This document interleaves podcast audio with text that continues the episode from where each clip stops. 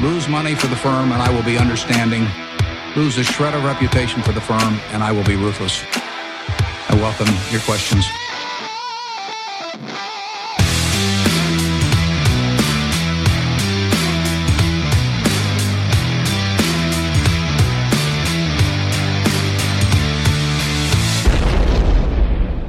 Hej och hjärtligt välkomna till Kvalitetsaktiepodden. Det är jag som är Ola.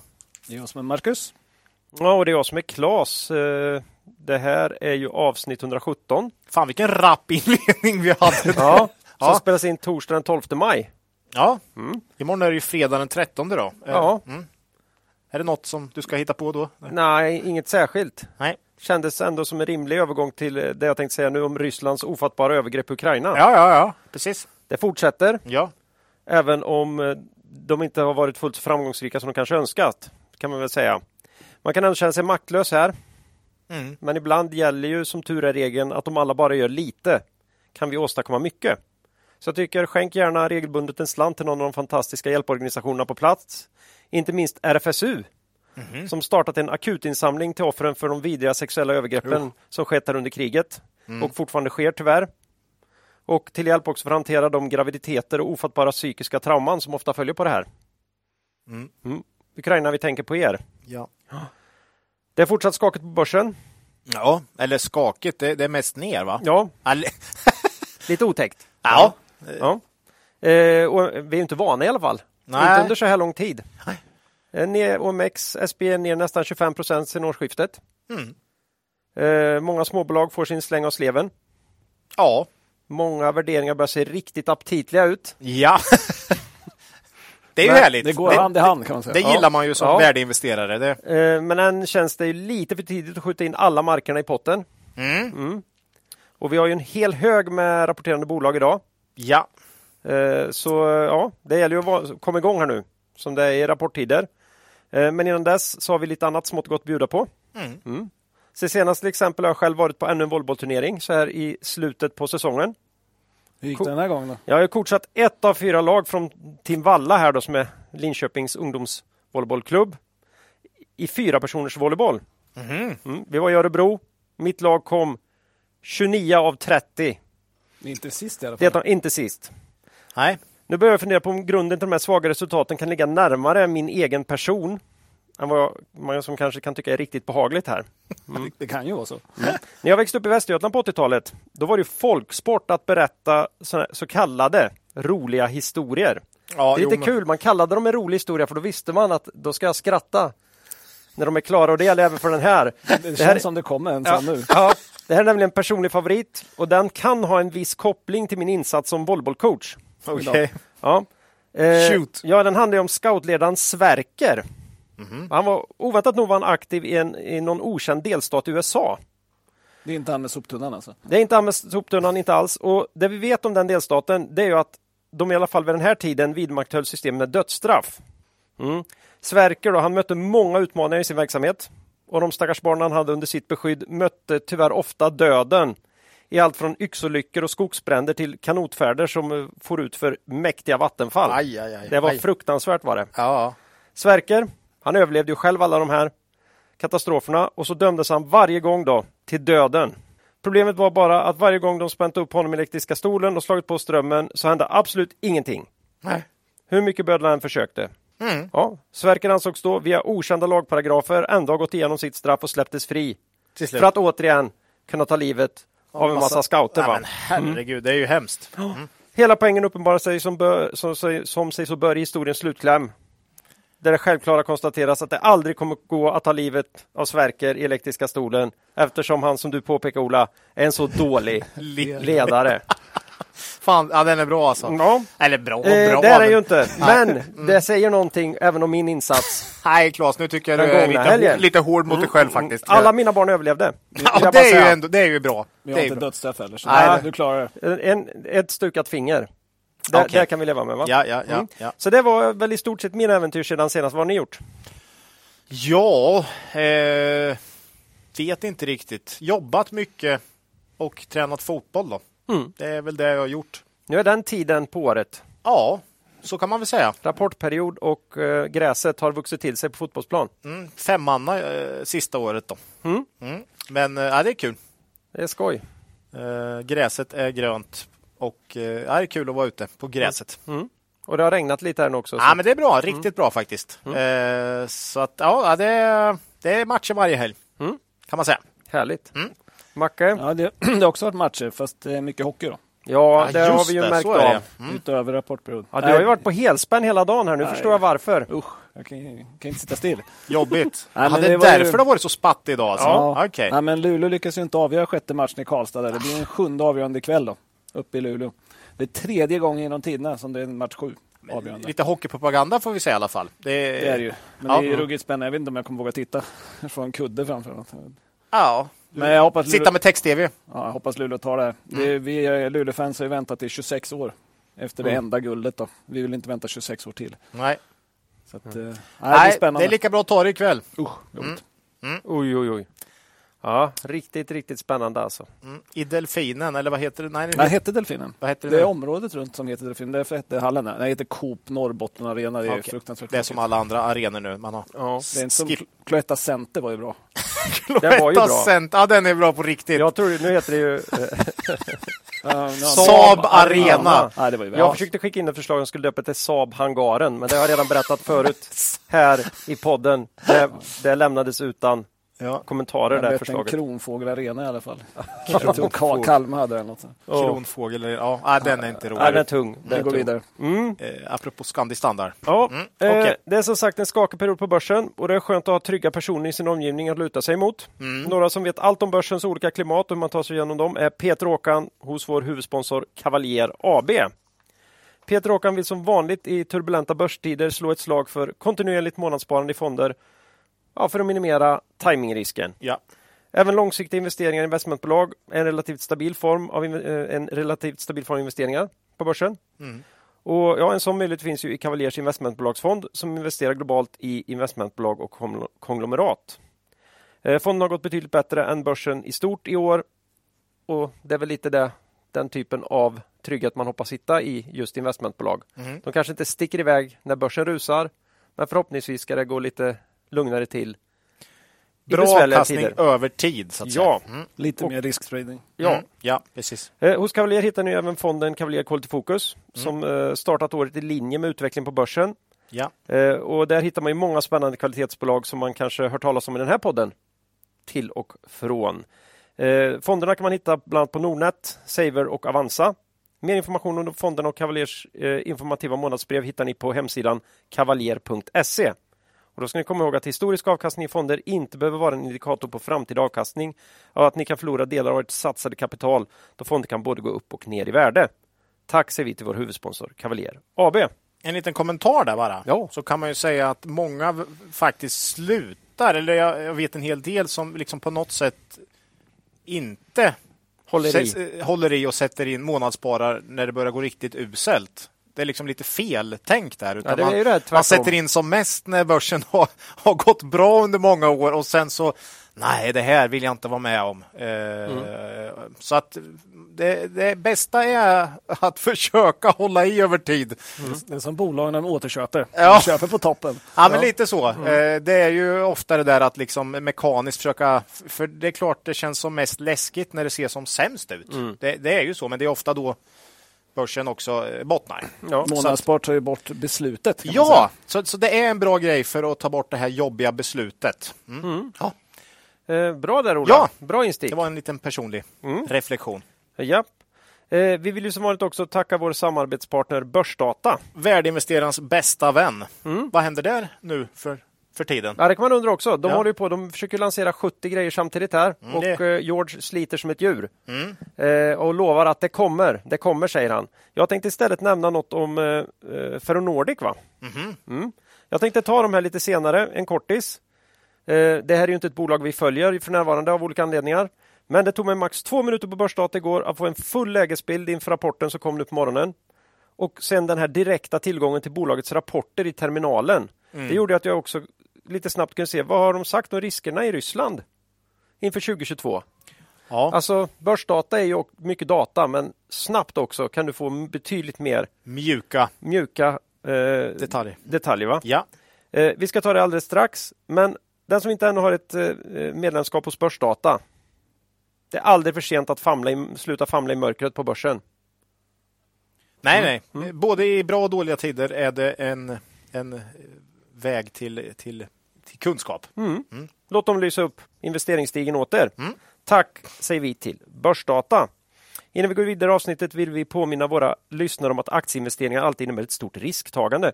Aktier kan både gå upp och ner i värde. Satsa därför aldrig kapital på aktier som du inte är beredd att förlora.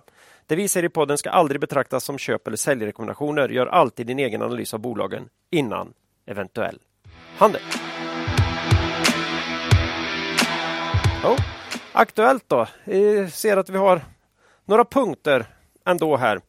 Macke, du funderade och ville återkoppla lite till eh, förra Ja, avsnittet. Vi pratade inflation och grejer. ja men precis. Nej, men vi, sa ju, vi skojade lite grann kring räntehöjningen. Eh, Mm. Och det blev ju en räntehöjning också. Till slut kunde han inte stå emot prishöjningen i personalmatsalen. Där. Nej, det var väl det Ingves. som, som Ingves. stjälpte över. Nej, men han har ju också sagt tidigare på året att eh, första räntehöjningen kommer 2024. Medan han öppnade idéer ganska nyligen för 10 räntehöjningar inom kort takt. Så att vi, vi får väl se lite Ja, grann. I snabb takt. Där, ja. I snabb takt. Ja. Ja, nej, men så att, eh, Riksbankens prognos över ränteutvecklingen är ju sällan särskilt överensstämmande med verkligheten. Brukar jag säga. Nej. Eh, och det är ju trots allt fast de själva styr. så de prognostiserar en variabel som de själva styr och ändå blir den oftast fel. ja, det är ju Det är- det är ja. lite jobbigt. Det är lite jobbigt. Det- Och ni, jag sa, nu har ni sett igelkotten? Ja, Ja, Ja. nu har jag sett igelkotten. den är ju fantastisk. Hur kan man hitta den? Ja, men precis. Eller ska Men- vi lägga ut den på, hem, på vår... Nej. Det kan vi göra, men vi googla ränta och igelkott så kommer ni hitta ränteigelkotten. Ja, gott, Det den är rolig! Det är en fantastisk sammanställning över reporäntan och Riksbankens prognoser då. Där man alltid historiskt sett trodde att det skulle gå upp, men reporäntan sänktes och då blev det en igelkott. Den är jättefin. 2010 till 20 till nutid typ då. Ja, det är 18, men, Ja, ja. men det, är ju, Ja. det, det är lite igelkott på den sen också. Men, men, men kolla på den. Eh, nej, men om man ska vara lite allvarlig då, så, så finns det ju lite risk att eh, Riksbanken har tappat bollen lite grann kring inflationen. Eh, och att eh, liksom pratet om att det var övergående var ganska farligt önsketänkande. Eh, nu ser man ju att det kan bli löneinflation. Eh, och då kan det ju bita sig fast, inflationen sen. Eh, vi såg att IG Metall, tyska eh, facket, då, kräver 8,2 procent i nästa avtal. Mm. Herregud. Det är mycket. Mm. Även om de inte når dit eller ens som både halvvägs så är det mycket högre än vad man haft tidigare. Mm. Eh, och blir det här riktmärket för alla andra förhandlingar då, då kommer det bli, bli ganska kvarvarande inflationen. Mm. Ja. Men och det är ju rimliga krav. ja, det är alltså- inte lätt när det är så högt, högt eh, pristryck i omvärlden. Liksom. Det är ju ingen som kan eh, liksom ha missat hur, hur priserna har gått upp sista tiden eh, på, på, på i stort sett alla varor. ju. Vi såg ju på lunchen idag, det var höjda priser igen. Fem, fem spänn till då. Bara. Mm. Nej, allt går upp. Men eh, så ska man komma ihåg i och för sig att om inflationen biter sig fast då så det är inte så kul att ligga i cash. Det är ju garanterad förlust. Ja. Det är inte så kul att ligga i räntepapper heller om räntorna är på väg upp. Nej. Det har ju de som haft eh, obligationer fått till sig. Men vad ska man ha då, Marcus? Nej, men då blir det aktier ändå. Ja. Men det gäller att försöka hitta aktier med bra balansräkning. Det vill säga inte så stora skulder så att man riskerar att torska pengar på, på den delen. Eh, bra om man kan höja priserna i takt med inflationen, försvara marginalerna. Det vill Pricing säga power. pricing power, kvalitetsbolag. Ja. Och inte för högt värderade bolag. För att de kommer ju drabbas om räntorna går upp. Och det är väl typ de aktierna som vi brukar ha. Mm. Mm. Det är det Precis. vi bruk- Så det blir brukar leta Det blir efter. slutsatsen. Ja, jag kan ju dr- dra vidare lite på den. För vi har ju pratat lite om det här fantastiska the saying the best cure for high prices is high prices. va? Mm. Eh, och det är ju just det här att, ja, på svenska, den bästa... Vi kanske kan döpa avsnittet det här, tänker jag. Det, det kan hända Mm, ja. det blir så. Nej, men alltså att Den bästa eh, det bästa botemedlet för höga priser är höga priser. För det dämpar efterfrågan då. Det är liksom det som är hela grejen här. Eh, jag vill också, liksom på något sätt, när börsen är ner 25 procent, eh, så får man ändå säga så här att som investerare, man, man bör lära sig av sånt här. För det är ju så här att många bolag som historiskt har värderats till P 15 värderades förra året utan att någon egentligen tyckte det var särskilt konstigt i P 50. ju. Eh, och en hel del bolag, även till P 100 techbolag och sådär. Eh, man vet att riskaptiten är på topp när det är den typen av värderingar på bolag och eh, man bör då som investerare eh, bli lite fundersam och orolig skulle jag säga. Eh, nu är det ju liksom räntainflation som du sa som är lite på tapeten igen. Och eh, det är väl det som ser ut att ha satt stopp för den här köpfesten för den här gången. Vi då i podden här förespråkar alltid att tänka på värdering och inte köpa för dyrt oavsett liksom vad det är, vad det är för börsklimat. Mm. Och när jag säger värdering menar jag inte relativvärdering mot peers, mm. PEG-tal eller no någon annan metod som kan få, få oss att rättfärdiga hutlösa priser på bolag. Mm. Eh, om vi ska vara helt ärliga, OMXSB är ner 25 procent i år, men under ytan mycket som har gått ner 50 procent. Så det är, man kan nog säga att i många fall så är det ju en, en krasch här. Så är det. Mm. Eh, det som klarar sig bäst är stabila kvalitativa bolag med rimliga värderingar. Så det här har ju verkligen varit värdeinvesterarens start på det här året. Mm. Eh, idag blir det såklart snack som vanligt om lågt värderade kvalitetsbolag här i podden. Eh, och det gör vi oavsett om marknaden säger att P100 är okej okay, eller om marknaden hatar aktier. Mm. Eh, kom det, är också, ihåg, mm. det är också det enda vi kan. Nog. Det är också det enda vi kan, vilket spelar oss mm. eh, bra här. Mm. Eh, och kom ihåg det idag, när vi pratar om bolag i dagens podd så utgår vi från att konjunkturen inte totalhavererar här. Mm. Eh, våra eh, prognoser känns mer osäkra än någonsin nästan. Eh, men vi utgår ändå från att 2022 blir ett hyggligt normalt år och inte någon total haveri här. Mm. När vi pratar om eh, förväntningar. Och vi gör ju också våra våra egna, vad ska vi kalla dem, lågkonjunkturstest. Hela tiden. Hela tiden nu mm. på de bolagen vi faktiskt ja. vågar smyga oss in i. Ja, precis. Mm. Se så att inte marginalerna sticker ut allt för mycket från det historiska snittet. Nej, det räcker inte att titta tre år bakåt nu, utan nu behöver man ja. Och sen vara lite skeptisk på det dessutom. Och så fort vi har några prognoser från andra eh, än, än oss så har vi med dem här också. Mm. Mm. Sen säger vi det här med historiken. Vi, vi tittar ju lite grann på hur bolagen eh, värderats historiskt. Inte lika mycket mot peers, men, men, om ett bolag värderas väldigt mycket högre än sin historiska värdering så försöker vi titta på liksom, finns det något som berättigar det här? Finns mm. nya marknader, nya produkter, högre lönsamhet, har man gjort förvärv och så vidare som gör att om det är ett bättre bolag, det ska ju vara högre värderat. Mm. Men om du inte hittar det då, då är det bara marknaden. Ja, mm. jag tänker ju direkt på serieförvärvarna faktiskt som var P15 och sen helt plötsligt 40 då. Mm. Eh, ja, det, de har ju inte förändrat sin verksamhet någonting egentligen. Det är bara börsens syn på det. Det är börsens syn på det. Så att det, i, i, den typen av bolag ska man ju vara försiktig. Och den synen kan ju ändras igen då? Ja, ja, precis. Och motsatt gäller ju såklart om man värderas väldigt mycket under sin historiska värdering. Då kan man ju gå in och titta. Ja. Är det motiverat? Eller? Precis den. Är, finns det förklaring? Finns det inte en förklaring, då ska man ju Ja, då, då är det intressant Absolut. om det värderas lägre, men tvärtom om det värderas mycket högre. Så, ja, precis så. Så, mm. så tittar vi. Ja, mm. Nej, men det, det, var väl lite om börsklimat och, och så, va? Och nuläge på något sätt, värderingar. Har, har vi något mer på Aktuellt? Ja, då, det finns obegränsat här. Oj. Macke tänkte återkoppla ja. ännu mer till förra avsnittet. här. Härligt! Ja, men vi fick in en fråga där de sa att ni, ni får kolla upp det här med Vitryssland kontra Belarus som jag tog upp i förra avsnittet. Ja. Eh, jag Språklådan är tillbaka! Språklådan! Ja. Nej, men, eh, och det visade sig att de bytte namn redan 1991 eh, vid självständigheten från Sovjet. Då. Ja. Eh, så det var länge sedan, men det var ju fler än jag som inte hade snappat upp det då när det skedde. Då. Mm. Jag hittade då att Birgitta Olsson, eh, folkpartist, va? folkpartist. Eh, hon, hon, skrev en öppen fråga till Carl Bildt 2009 med en uppmaning om att i, i, Sverige driva på med namnbytet från Vitryssland till Belarus. Och det här med motiveringen då att många svenskar annars inte uppfattar Vitryssland som ett självständigt land från Ryssland. Det tror jag det är ganska många idag som har problem med också efter den här invasionen i Ukraina. Det är sant. Det är sant, ja. ja. Så att, det ja. har gått sådär med det här arbetet. Mm. Ja. Men jag såg även E-works rapport här från 2 maj att de skrev Vitryssland. Så det är inte bara jag. Oj! Oj. Så att, eh, ja, ja. Det är alldeles nyligen. Mm. Men jag står fast vid vad jag sa förra gången. att Jag, tänker, jag vill veta vad överste idiot Lukasjenko vill att man ska säga och sen tänker jag säga tvärtom. det, är som någon, är det en kontra? Ja, ja okay. det kan han ha. Ja, ja. Så man, Sätter han sig, ställer han sig på hälarna här. Mm. Det är bra. Ja. Eh, känns ändå som den här eh, ryssdelen i det här eh, en bra övergång in på Ferronordics. Ja, ja, ja. Eh, rapport idag. Ja, den alltså, är spännande. Det kommer eh, rapport idag. Ferronordic handlades ju på 344 kronor den 3 januari. i år. 344, ja. Och eh, igår när jag skrev där så var det 34. 36. Ja, de har nog varit något lägre, men då var det 36. 90 Idag en, en rekyl på rapporten är upp till 40 kronor. Mhm. Mm. Eh, och eh, ja, rapporten kom ju in rent monetärt starkare än befarat.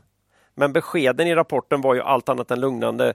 Eh, till exempel kommer inte deras viktigaste leverantör Volvo att leverera till Ryssland under rådande läge.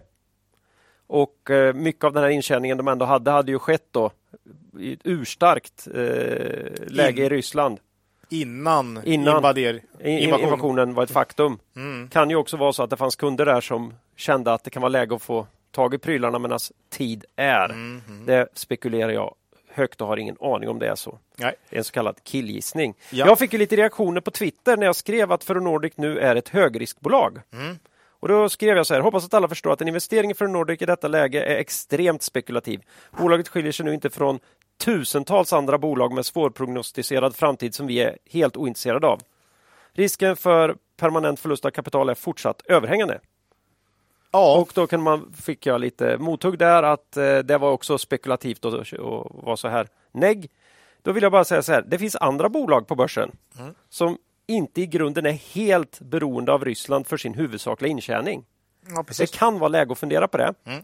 Och det jag vill verkligen vill påminna om är att man måste inte känna tillbaka pengarna i bolaget som man förlorade pengarna i. Nej, ju- Oavsett hur orättvist och hemskt det som har hänt känns. Det är extremt viktigt. Jag skulle snarare vilja säga att man bör nog försöka att göra tvärtom och leta andra sund, sunda avsättningsmöjligheter på sitt kapital. Och nu är det så att börsen är ju faktiskt för de här turligt nog ner 25 procent i stort här. Så det borde ju finnas, det behövde det ju inte ha varit, men nu är det ju så. Mm. Så nu finns det kanske andra intressanta små och medelstora bolag. Mm. Så och de, många har ju naturligtvis tappat mer än 25 procent här. Mm. Så att det finns gott om alternativa investeringar där ute med betydligt lägre risk och bättre mos. Mm. Och med det sagt så har jag ingen aning om hur det kommer gå för Ferronordic i, i, i framtiden här och det är hela poängen. No. Du behöver inte ha en åsikt. Nej. Du kan ägna dig åt andra bolag. Jag tycker Buffetts analogi med baseball, Mm. Ja. slå bara på det. Du kan slå på en på tusen. Mm. Du behöver inte ha en åsikt om resten. Alltså, har man, är- man behöver inte ha en åsikt om allt. Mm. Nu är ju många av de här tror jag som är upprörda här har ju varit med hela vägen ner här. Ja, det är klart. Så det är det jag vill ha, det är det jag vill ha sagt. Mm. Eller så vill man tjäna pengar på någon studs. Eh, Men, men det är ju det, det, det är sällan vi eh, tar den typen av, av, av bet, så att säga. Men hade inte du ett litet tips ändå i Fair Nordic? Nej, det var mitt kanske. Att, att eh, vänta till sådana Ja, fall. Ja, ja, det var Ola. Ja, det är var jag. dumt. För nu har ju insynspersoner sålt här hela vägen, kanske inte hela vägen ner, men eh, på vägen ner. Ganska tidigt och så. Ganska mycket. tidigt och sen mycket. Eh, jag skulle definitivt inte vänta till man ser något köp. Så kan jag säga. Ja, du vill vänta tills du ser om de köper igen. Någon insynsköp, då, ja, då, då, då kan jag väl börja tro på det lite mer. Men eh, så länge insynspersoner bara har sålt och inte har köpt no tillbaks något, då, då skulle jag aldrig eh, titta på det här. ens, Faktiskt. Nej. Så det, det skulle vara en sån här eh, helt självklar grej för mig innan jag ens tänker på det. Och då kanske titta på hur mycket de köper i förhållande till hur mycket de sålde. Ja, precis. Inget alibi-köp. Nej, Ja, det var min kommentar. ja, det var något kort om, om Ferronordic Jag här. tycker det är en jävla synd om Ferronordic. då. Ja, ja. Eh, jobbigt för dem som fan. Eh, de har skött det jäkligt bra länge. Det här var ju inte något de... Nej, det är inte deras Det är inte deras fel. att, Och det har vi inte sagt heller. Nej, nej. det är- det är de bara har ju- otur. otur. Ja. valt att bygga sin verksamhet i en repressiv Jo, diktatur. visst, visst, men de... kan ju ha, Ja, och det har vi tagit upp för i den det här har, vi, podden. det, det har vi alltid sagt i den här Ja. podden i alla fall, att eh, Det är Ryssland inte så tryggt en... att Nej, bygga det sin sagt. verksamhet på den typen av länder. Men Precis. med det sagt så är det viktigt att den typen av länder också har folk som gör affärer där. Ja. Vi trodde ju alla att det här skulle vara en bra grej. Att vi närmade oss Ryssland och gjorde mycket business. Mm. Ja, ja, visst, visst. Och eh, att man inte skulle vara beredd att sänka hela sin ekonomi Nej. på det sätt som Nej. man har gjort. Och det är ju för att en galen diktator skiter ju också i sin egen befolkning. Det glömmer man också väldigt borta, ofta bort. Eh, så, så är det. Mm. Ja, ja. Eh, vi släpper den och hoppar vidare till eh, aktuellt inom iGaming, för där har det hänt lite Macke. Ja, nu måste jag med någon iGaming. Ja, det det har jag. brukar vara. Eh, och det får ju bli budet eh, från en MGM på La, Leo Vegas här, mm. 2 maj. Eh, bud på 61 kronor, motsvarar en premie på 44 procent från stängningskursen. Dagen innan på 42,30. Eh, det är ju ändå en ganska bra premie. Eh, Den kursen har gått ganska bra och det var ju en hel del som hade köpt in sig i bolaget. Det kan man ju diskutera. Bra magkänsla. Okej. Ja, de har ofta bra känsla på ön där. Ja, Det är eh, märkligt. och Alta Fox är också sniffar upp eh, budet i en labs också. De verkar Ja. duktiga. Ja. Eh, styrelsen rekommenderar aktieägarna att ta budet. Då. Vi hade inga aktier Leo. Eh, sämre magkänsla på oss. Mm. Får gratulera ägarna. Eh, sätter väl i lite ljus då på låga värderingarna inom främst iGaming-operatörerna i Sverige. Då. Ja. Eh, det är ju rätt trist att det ser ut som det gör. Det är väl ESG-relaterat för man får inte äga den här typen av bolag. Men det leder ju till att många bolag försvinner från svensk kontroll. Då. Vi lägger sannolikt Leo till raden av uppköp som Mr Green, Cherry, Global Gaming, N-Labs, Aspire Global eh, med flera. Ja. Mm. Och känns som en tidsfråga innan Betsson och Kindred också. Ja, ja. Jag tror ju att två utköp i år, då, Aspire och eh, Leo, Leo. Vegas. Det är stor sannolikhet att det blir säkert ett till under året. Det skulle Mm. inte förvåna Innan vi mig summerar upp överhuvudtaget. det här. Nej. Skulle kännas, det känns sannolikt faktiskt. Ja. Så att, Och ja, det bidrar ju den svenska kronan också på grund av Riksbankens räntepolitik till Ja. att det blir billigt för amerikanska intressenter att köpa. Ja, nej, så det, det, det är väl inte en hög oddsare att det kommer, kommer fler uppköp i den sektorn. Mm. Så är det. Sen eh, Flash Crash, va? Ja, det var ju Det lite var något som intressant. hände. Intressant men obehagligt kan man säga. Nej, men eh, 2 maj fick vi en liten flash crash. Ja, just det. Fan, det hade jag nästan glömt nu. Ja. Ja, Det känns som länge sedan. ja det känns som, ja just det. 9,56 stod OMX-index i 2035. Fem minuter senare stod den i 18,97. Det är 6,7 procent ner på fem minuter. Mm. Jag bommade lite grann här och såg det strax e- det var efter det var klart. Men jag har hört att de som satt och tittade på det i realtid trodde att det hade smält någonstans. Ja, Såklart. Det var helt galet. H&M var ner till 110 kronor innan Mm. det studsade upp till 120 igen. Eh, tydligen berodde det här på en enskild handlare på Citigroup då, säger, sägs det. Och City skickade på kvällen ut ett meddelande som sa under morgonen gjorde en av våra handlare ett fel när en transaktion matades in. Inom loppet av några minuter identifierades felet och vi rättade till det, sa man från City. Hur kan man... Ja, herregud, det är, det är otroligt att det ens går på något sätt. Men, ja. Nej, det är helt sjukt att man inte har bättre kontroll än så. Robothandel, vet Ja, ja, det var ju en, det Ja, var ju det någon som hade en dålig, fel, en liksom, dålig så dag på jobbet. Ja, men- ja, ja, men, men som... Den som satte ju igång en Ja, massa jo, jo, men det, automatisk ja, ja, handel. ja, men så var det ju. Mm. Men ändå den här, det måste ha varit en rejäl, aff- eh, en rejäl order. Helt Som den här killen som hade en ganska dålig dag på jobbet eh, gjorde då. Förmodligen sista dag på jobbet också. Det är också härligt att vi i alla fall på det jag jobbet. tror vi kan anta att det var en kille faktiskt. Ja, förlåt. Och, nu, eh, nej, nu, jag, men tr- visst. jag tror faktiskt att vi kan anta att det är. För jag tror det är sällan kvinnor gör den här typen av fullständigt vrickade Jag tänkte saker. jobba på bank, tänkte Ja. jag, men nej, det finns ju många kvinnor som jobbar på bank såklart. Ja. Okej. Nej, men det kanske införs lite mer kontroller nu då, för det här måste ju kosta stora belopp. För Åh, att man makulerar ju ingenting Nej. eh, från börsens sida, vilket Mm. jag tyckte var bra. Eh, för att eh, om det kostar så kommer de införa bättre kontroller. Mm, mm. Men en liten varning då, om, om det händer något liknande i framtiden, det är att om ni köper någonting extremt billigt, Mm. eh, så sälj det inte direkt efteråt. För att om det blir makulering så kommer de makulera köpet och så ligger du kort och då kan du förlora pengar när liksom, du måste köpa tillbaka sen Mm. för att kunna leverera det som makulerades. Så det kan bli att istället för att du tjänar pengar så förlorar du pengar. Okej, så om du får tillslag 15-20% ner så ska det bara ligga kvar tills det är utrett? Vänta tills du vet om det blir en makulering. Mm, mm, mm. Och sen en liten varning till för såna automatiska stopplossorder. Ja, jo, men det har vi pratat om tidigare. Men Ja. det utlöses ju en massa sådana på botten då. Mm. Och aktierna såldes till eh, liksom, urusla kurser. Mm. Vi tycker man ska vara försiktig och inte köra med sådana, liksom, för det här kan hända igen. Ja. Eh, Det är lite läskigt med hur bräckligt systemet är, men för en långsiktig investerare spelar det ingen roll. Nej, för oss eh, gjorde tyvärr hade inga slamkrypare inne på marknaden. Då. nej, lite fiskordar hade varit Lite bra. fiskeordrar, men, men nej, men stopp loss, nej. Det, vi får ju frågor ibland då, Mm. men vi brukar säga att det är inget vi håller på med. Nej. Sånt här kan hända, uppenbarligen. Ja, Hoppas det inte händer igen. precis. Ja, Ja. Eh, vi har mer grejer som händer. Mhm.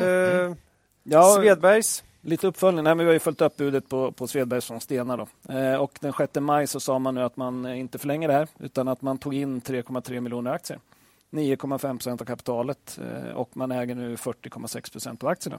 Mm. Det var lite mer än vad jag trodde att man skulle få in. Ja, kanske. Men Eh. 60 procent kvar där ute då. Ja, ganska bra float Ja. fortfarande. Mm. Eh, Man stänger budet. Man har inte köpt någonting utanför budet heller. Eh, Vi lämnar inte in våra aktier. Vi tycker att Svedbergs är så pass lågt värderat och Q1-rapporten var riktigt stark. Ja. Ehm, Vi har noterat att Svedbergs nu handlas under 50 kronor. Eh, När vi gick in så var det 49. Mm. Det är lite konstigt för man kan tycka de som ville sälja för 50 eller under borde ha lämnat in aktien i budet. Mm. Eh, nu får man eh, Stena då inte köpa dyrare än 50 kronor under sex månader. För gör de det så måste de kompensera alla andra som accepterar budet. Då. Om sex månader sen får de köpa dyrare igen. Mm. Så vi får se. Men de kan, det är väldigt likt Swedol Ja, här då. Eh, Men de kan ju köpa upp till 50 kronor. ja det kan vi. Ja. Det kan Nu har ju i och för sig börsen gått ner ganska mycket under den här processen här. Så Ja. att, eh, mm. Att, eh, nej, vi får se om de köper mer och om de återkommer med ett riktigt bud så att säga Ja. om några år. Ja, Kanske. Ja, och sen ska vi avsluta här då med, med det faktum att det var synd att vi ratade Swedish Match här. När, Ja. du, när du försökte få oss... det är ändå In kul på spåret, att vi, har, vi, vi fick Ja. med Swedish Match i podden eh, innan lagom, budet. i, precis innan uppköpet här. Ja, Ja, nej, men de var med i avsnitt 109 då. Mm. Det gick igenom eh, ganska noga, Swedish Match. Eh, Vi talade om deras starka ställning i USA eh, rörande rökfria produkter, framförallt de här eh, eh, nikotinpåsarna då, under Mm. varumärket Syn. Eh, här hade man växt väldigt kraftigt och många konkurrenter hade hamnat långt på efterkälken. Och en av dem var just Philip Morris eh, och det är logiskt för dem att lägga bud på match då, eh, istället för att försöka bygga upp det här själva. Då. Mm. Eh, Det går lite snabbare. Eh, Kursen i match dog ju 25 procent på uppgifterna i media om budet och sen 10 procent till när budet kom den 11 maj. Då. Så man skulle ha köpt på eh, ryktet där. På mediaryktet ja, Mm, mm. den här gången. Ja. Budet eh, 106 kronor motsvarar en premie på 40 procent innan man börjar spekulera om budet då, i media. Ja, helt okej budnivå, eh, men synd om ett sånt kvalitetsbolag som Match köps upp tycker jag. Mm. Men igen så är det ju den här Ja. som iGaming. Jo, det är ju Det- så. Blir Ja. värderingarna låga så kommer förr eller senare någon industriell spelare att köpa ut Ja. bolaget. Visst är det så. Mm. Ehm, Visst är det så. Jag har haft match som en större post i pensionssparet, har sålt större delen. finns många billiga andra aktier där ute. Håller kvar några stycken ifall det kommer ett konkurrerande bud. mm. Det var det. det var aktuellt. Nu var det aktuellt. Ja, Det var, det var inte dåligt. nej. Eh, vi hoppar över på bolagen. Ja, idag har vi en hel hög. Ja, det är ju rapportsäsong här va? Ja, och mycket spännande också bolag. Mm, mm. I och med att värderingarna har kommit ner en hel ja, del. Då. nej, det är ju verkligen tydligt. Mm. Det är ju P10 är ju standard här nu, helt Ja. plötsligt, igen då. Mm. Du behöver inte skruva fullt så mycket. Nu, nu är det ju skräcken istället när man ska fundera över framtida intjäning i bolagen som Ja. är problemet. Inte, Ja. inte, inte eh, P-talen. Det är en hel del bra rapporter och två dåliga tror jag. Ja, det är det nog. Mm. Ja. Precis. Jag tror att det är Macke som tänker leda oss in i det här, det här segmentet med Betsson. Ja, vi börjar med Bettan. Vet du. Det är Bettan. Gamla Ja. Bettan. Det här är ju spelbolaget som förstått det där med gungor och karuseller. Mm. Senast med i avsnitt 111 och det kommer ni föra många gånger idag. Mm. Eh, Ja. Men vi kör. Ja, nej, precis. De var med i 111 när eh, de hade kommit med Q4. Ja, Eh, Den rapporten var ju klart bättre än vad vi befarade och vi köpte tillbaka våra aktier som vi sa då. Eh, Då kan man undra hur såg Q1 ut då? Eh, jo, men den kom ju den 28 april. Det låg väldigt nära faktiskt vad vi hade gissat på. Eh, så det avvek inte särskilt mycket. Intäkterna 8% upp, 170 miljoner euro. Eh, organiskt plus 14, men man har ju som vanligt valutan emot sig. Eh, No brukar ju hålla. shit. Fast i år har faktiskt den turkiska valutan gått ganska bra sett. Alltså Okej. under 2022.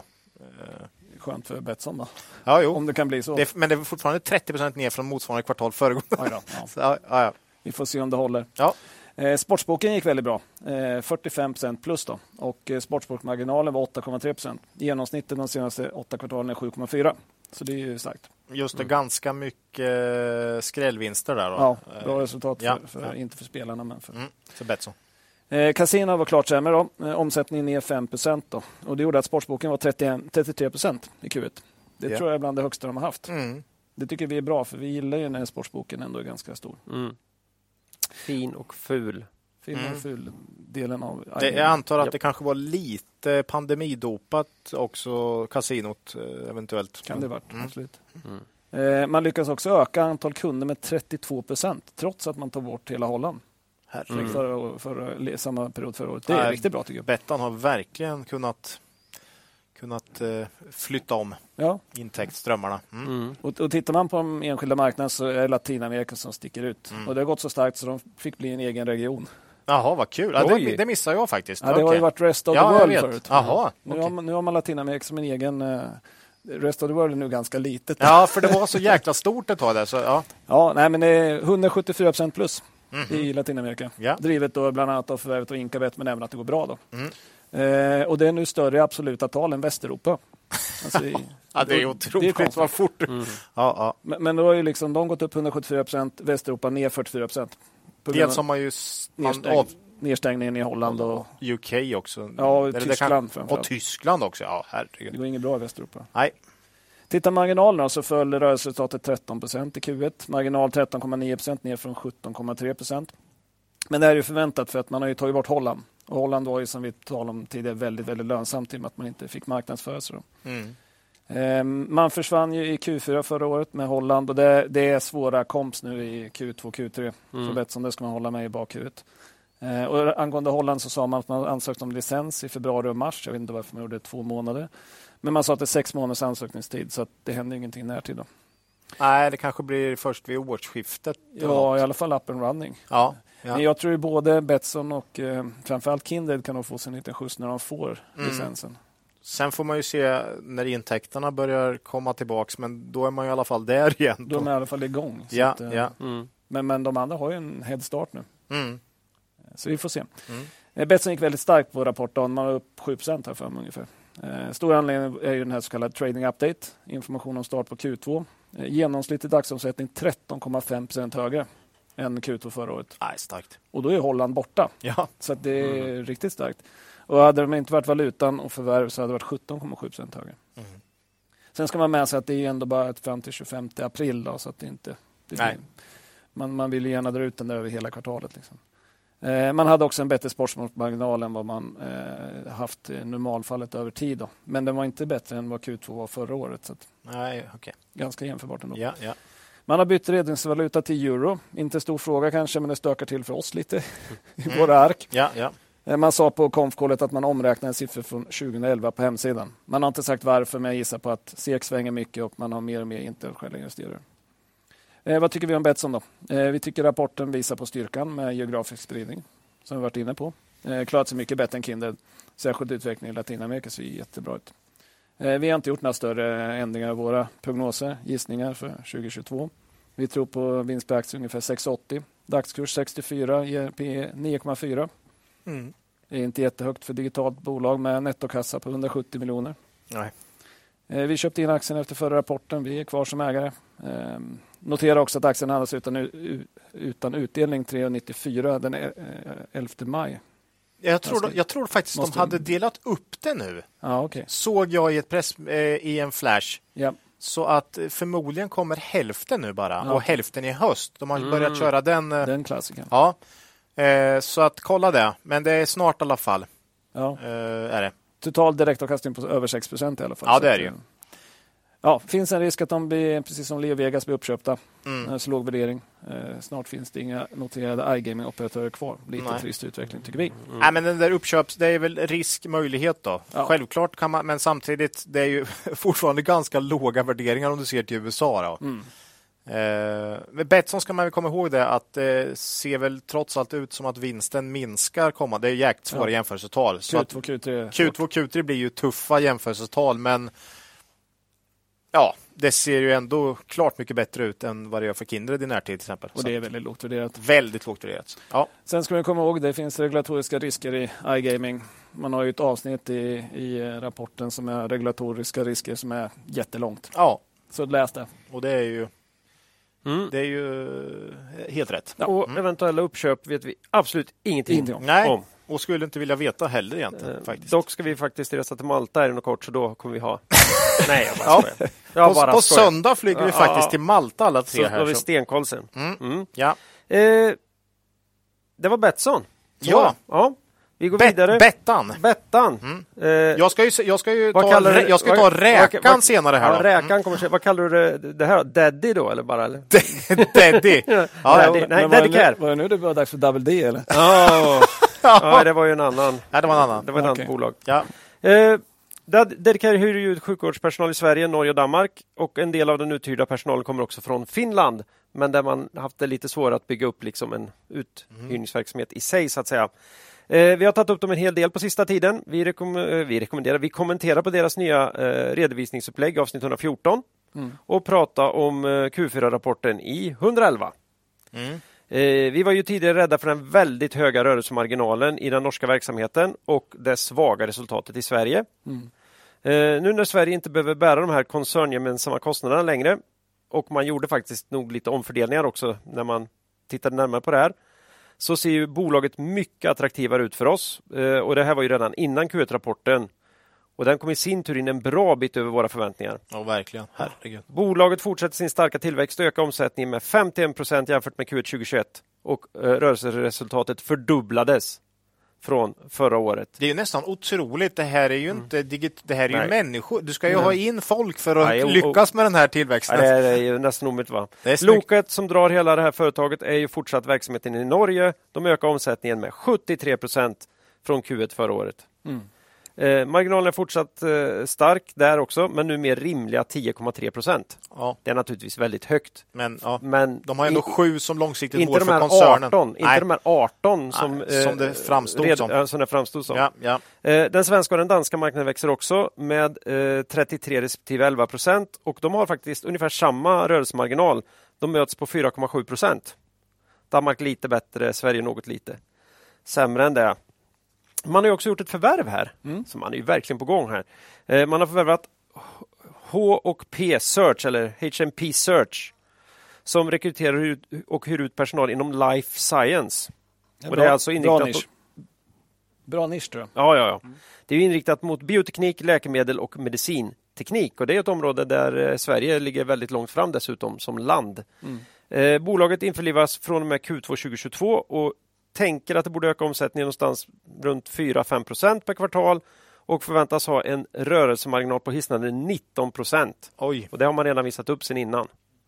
Det är enligt- inte dåligt. Enligt det så, så ska ju liksom omsättningen öka 5% men vinsten är betydligt mer ju. Ja. 10-15 nästan. Men man vågar ju inte. Det här var ju vad de... Det här var, alltså, Ja. I teorin så borde de kunna göra ännu lite bättre för de har väl haft någon egen overhead här också innan. mm, kanske. Det vet man inte. Ja, ja. ja men, det är så svårt att säga. Men det, var ett, det såg ut som ett väldigt intressant förvärv för Mm. just Dedicare. Då. Eh, och kommande utmaningar för bolaget är att hålla uppe den här rörelsemarginalen i Norge.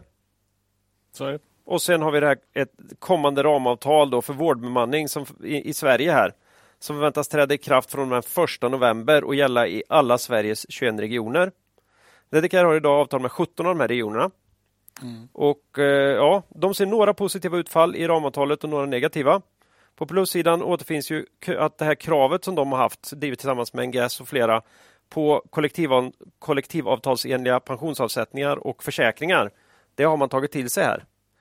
Eh, Dedicare har ju det redan idag då Mm. och NGS också, till skillnad från många mindre konkurrenter som, har, Okej. som har nyttjat det här då för att kunna trycka upp löner istället. Ja. Eh, och sen många unga sjuksyrror och läkare som kanske har tänkt att det där med pension och sånt, det tar, Det tar jag senare. det tar jag sen. Mm. Så, så många egenföretagare också har upptäckt när de fyller 63 och slitit ut axlarna. Mm. Då tänker de att vänta nu här, skulle inte jag ha något att leva på? Nu blir det makaroner och köttbullar. Ja, Mm. så är det. Eh, minussidan då fanns ju en hel del tyvärr här. Mm. Eh, Man inför en, karen, en hård karenstid på 12 månader för, för de här konsulterna eller hyrpersonalen att byta anställning från en region till inhyrning i samma region. Mm. Du kan liksom inte jobba åt regionen ena dagen och sen komma dit andra dagen som Eh, Det har funnits sådana här karenstider innan också, men då var det väl sex månader eller, och i vissa fall inget alls i, i de här avtalen som har funnits. Jag såg att det fanns en massa regler också från att den eh, som kom från bemanningsföretaget inte fick liksom dela ut flyers och informera om möjligheten att Ja, ja, hoppa nej, över och sånt nej, också. de får inte vä- värva. Värva. Värva Och de, aktivt. ska också, och de Mm. ska också ha varit yrkesverksamma i minst två år nu. Så du kan inte gå direkt, utan du ska vi, gå via Landstinget. Eller, Ja, eller någon Regionerna. annan. Det går väl bra med någon annan privat. ja, men inte som bemanning. va? inte som bemanning då. Okej. Om jag nu tolkar reglerna rätt. Här. Jag tror det. De Mm. har väldigt bra information om det här på sin hemsida för övrigt. Dedicare. Dedicare. Ja. Eh, ett, ännu, ett ännu större minus då är ju den föreslagna timersättningen då till bolagen. Den borde ju vara upp nu med tanke på Kan inflation. man då, eller? Enligt Dedicare är den 10-15 procent lägre än dagens genomsnitt redan före att de har börjat behöva betala upp för eller höja ersättningarna på grund av inflation. Mm. Så då kan man tänka sig att det snarare är 15-20 procent för lågt. Mm. Om man nu eh, vill, vill ha, ha samma nivåer. Eh, och, ja, vad säger det då? Ja, marginalerna i Sverige de, de är ju redan låga för bemanningsföretagen. Mm. Det vet vi ju. så är det ju risken stor att lönerna kommer att behöva justeras ner i flera regioner om det här avtalet ska kunna komma att bli använt. Hur Dedicars personal eller liksom hyrpersonalen reagerar på det, det vet vi inte, det är oklart. Mm. Men det är tydligt att ett huvudsakligt mål från eh, Sveriges kommuner och regioner med den här upphandlingen är ju att göra det mindre attraktivt att jobba på bemanningsföretag och att de vill mm. locka tillbaka och minska då, eller öka antalet som anställda i regionerna. Ja. Eh, ja, vi får ju se var det här slutar och om ramavtalet kommer att kunna uppfylla regionernas stora behov av inhyrd personal här i efterverkningar av pandemin. Ja, det är väl lite det man känner att det kan bli svårt att få ihop det här för regionerna. Då. Ja, eh, det mm. brukar inte vara så enkelt att få folk att gå ner i lön. Nej, det är ju bland det jobbigaste. Ju. Mm. Man vänjer sig ganska fort vid en lönenivå. Så att säga. Mm. Eh, vi har egentligen ingen aning om hur det kommer gå med det här svenska avtalet. Men vi tror ändå på Dedicare de närmaste åren i vart fall. Mm. Bolaget handlas idag till P 7,4. Det är ju en, en bit i det, ja, på kommande, minst sagt. Ja, på, på kommande 12 månaders resultat enligt vår prognos. Mm. Och det här är ju jättebilligt då för ett bolag som växer som Dedicare gör, gör just nu. Mm. Och det som talar emot bolaget är ju den politiska risken här. Mm. Eh, och även i Norge naturligtvis. Det verkar vara lugnt för närvarande men sånt där kan ändras väldigt fort. Ja. Eh, i, i, i, takt med att politiker vill få uppmärksamhet eller göra förändringar. Mm. Eh, ja, jag vet inte vad jag ska säga. Vi tycker ju att utifrån den starka rapporten så är det på tok för billigt nu. Mm. Även med hänsyn taget till riskerna. Vi har köpt in oss i Dedicare igen mm. och eh, tror på ett starkt 2022. Och med, med de här låga värderingarna så kan det räcka för att lägga grunden för en, ett långsiktigt bra ägande i Dedicare. Mm. Och den här diversifieringen inom life science tror vi också tar ner risken i, risken i bolaget en smula i alla fall. Precis. Mm. Mm. Så var det. Det var intressant. Det var Dedicare. Ja. Mm. Back in business. Back in business. För oss. De har ja. Bolaget har gått jättebra varenda kvartal senaste två åren, men mm. vi var lite oroliga där ett tag. Ja, ja fegisar. Mm. Men det är, det är våran grej. Det är våran grej. Ja. Jag tog kursen ifrån ner efter vi sålde dem. Så att... Jo, precis. Var det rätt att stå utanför? Jo, det var det väl. Men, ja. Och kursen har ju gått ner eh, rejält efter den här eh, superfina rapporten också. Ja, mm. med börsen då kan man ja, säga. Ja. Mm. Så att de har inte stått emot här. Nej. Eh, det är faktiskt jag som ska fortsätta här. Oj! Var lite rappare här. Vi pratar nah. Doro. Doro, det och det. Mm, det och det. Doro Soat. Doro Soat. Eh, det här är en numera renodlad producent av seniortelefoner. De rapporterar dagen efter vårt förra avsnitt. Och senaste gången vi tog upp dem i podden var i avsnitt 112. Eh, vi sa ju då att eh, vi var väldigt, jag tror det var Ola som hade dem, vi var osäkra inför 2022. Och vi hoppades på oförändrad omsättning och räknade med minskad, eh, minskat rör, rörelseresultat. Rörelseresultat, det går inte att prata här. Eh, vi hoppades ju att eh, investerarna ändå skulle då lockas av den låga värderingen och eh, tron på framtiden för det här bolaget. Då. Mm. jag tror vi själva lockades också av att det var ganska dyrt just då och eh, vi hittade inte så mycket annat att investera i. Så det fanns kvar bland våra innehav och vi var tydliga med att det utsattes för allt större konkurrens från andra bolag. Och det hade gått så långt så inför Q1-rapporten stod vi vid sidan av Doro. Mm. Och det visade sig vara rätt beslut. I alla fall på kort sikt. här. Doro tappade nästan 20 procent på rapportdagen här. Mm. Det var hårt. Det var ett mycket negativt sentiment på börsen då precis också. Varför vi sålde Doro var precis, jag skulle säga som du sa där, att det såg inte, liksom risk-reward var inte riktigt lika bra som i mycket annat där som hade tappat heller. Nej. De blev inte lika relativt billiga som de andra. Vi hittade mycket annat som såg väldigt Verkligen. intressant ut. Mm. Och Doro var ett av de här bolagen som som ändå hade låg värdering mm. under förra året. Så att det, det var mm. mer att vi hamnade där då. då. Mm. Uh, och sen var det, det var uppdelningen var ju en viktig grej och den blev ju en riktig flopp också. Ja, den blev inte alls som vi hade så, trott. Så att, uh, ja. Nej, där hade vi fel. Där hade vi fel. Mm. Uh, den, alltså, själva rapporten kom in helt i linje med våra förväntningar på omsättningen. Men? Den var i stort sett oförändrad. Men det var ett men här. Resultatet. Det gällde ju inte för, för rörelseresultatet då, som var ner 66 procent från Q1 mm. 2021. Ja. Rörelsemarginalen landar på svaga 2 procent rensat för engångskostnader efter eh, separationen från eh, Carium här. Så på pappret var det ännu sämre kan man säga. VD Jörgen Nilsson pekar på stora utmaningar i försörjningskedjan med dyra flygtransporter med mer för, för att få fram produkterna till kunderna i tid. Och det slår ju eh, stenhårt mot bruttomarginalen. Även komponenterna har blivit dyrare för dem. Han är svagt, Jörgen är svagt positiv inför framtiden. Eh, jag vet inte, den, alltså den här låga rörelsemarginalen kommer från sämre bruttomarginal samt ökade utvecklingskostnader och kostnader för att bygga en egen komplett organisation efter skilsmässan från Carium. Spetsar de något i storleksordning på de där olika? Nej, tyvärr inte. Synd. För, för, uh, ja, det, de tar nog en del kostnader, det mm. måste de nästan göra, för den var så låg den marginalen, så de mm. måste nog ta en del mm. framåtblickande grejer här. Ja, och sen mm. tror jag en hel del av det här är ju inte engångskostnader heller naturligtvis. Nej, om, om de ska bygga organisation här. Nej, så kan det vara i och för sig. Ja. Just det. Jo, men det sa han faktiskt redan i förra året. I, ja. i Q4 sa mm. han att det var konstlat bra för att de hade liksom inte hunnit staffa upp riktigt. Nej, de hade blivit av med en del eh, mm, mm. grejer de verkligen behövde. Följde med Carium. Ja, ja. Eh, vi hoppas ju innerligt att bolaget bara en tillfällig svacka ändå. Mm. För de har ju ändå fina produkter här och de borde definitivt kunna få mm. upp sin bruttomarginal igen. Ja. Och, ja, kanske kan de förbättra marginalen redan under 2022. Och med vår gissning eh, för de närmaste 12 månaderna så landar vi på en vinst på försiktiga 2,50 per aktie. Det är fortsatt lågt P på 8,5. Mm. Men ungefär där det har legat. Ja, tyvärr så tjänar de ju 3 kronor då under 2021. Mm. Eh, vi gillar ju normalt att kunna räkna både ökad omsättning och vinst i, i bolag. Och eh, vi kan hitta massor, i nuvarande marknaden kan vi hitta massor med andra bolag av den sorten som är också är attraktivt värderade. Kanske inte så här lågt. Nej. Men då föredrar vi att att, att omsättningen och vinsten är på väg åt rätt håll. Då. Mm. Eh, Dora har tappat över 30 procent nu sedan separationen från Carium. Mm. Och eh, ja, det är fortsatta covid-störningar i Asien och man lanserar nya produkter som eh, man nog behöver få en viss, en viss marknadspenetration med. Mm. Så att ja, på något eller några års sikt ser bolaget fortsatt väldigt billigt ut. Jag har kvar dem. Jag har till och med köpt lite mer här i min pensionsspar. Men eh, ja, vi återkommer senare under året, kanske redan under Q2. Men det kanske är några svåra år kvar. Eller kvartal. Äh, kvartal. Ja, man vet inte. Det vet man inte Nej. för Doro här. Det är svårt. Lurigt det är jätte, jätte svårt. Mm. Långsiktigt så tror jag på Doro, men eh, ja. Sen ska ju också marknaden, marknaden få lite historik vad gäller Doro separat nu här också. Mm. Så, så det är också en sån där grej som kan göra att marknaden är väldigt försiktig med att köpa in sig. Då. Mm. Så att, eh, mm, lurigt läge. Ja, vi hoppas här no några kvartalsrapporter till så kanske vi kan få en liten bättre känsla för var marginalerna ska landa när de har staffat upp. Mm. Och eh, ja, vart de är på väg på sikt. Jag har Carium i mitt pensionsbolag, vet jag att jag har kvar, men inte Doro tror jag. Mm. Om jag kommer ihåg rätt. Jag behöll lite Carium bara för att jag vill se vad som händer. Mm. Ha det i ansiktet. Ja. Mm. Det var Doro. Ja. Ja, ingen av dem faktiskt. Nej.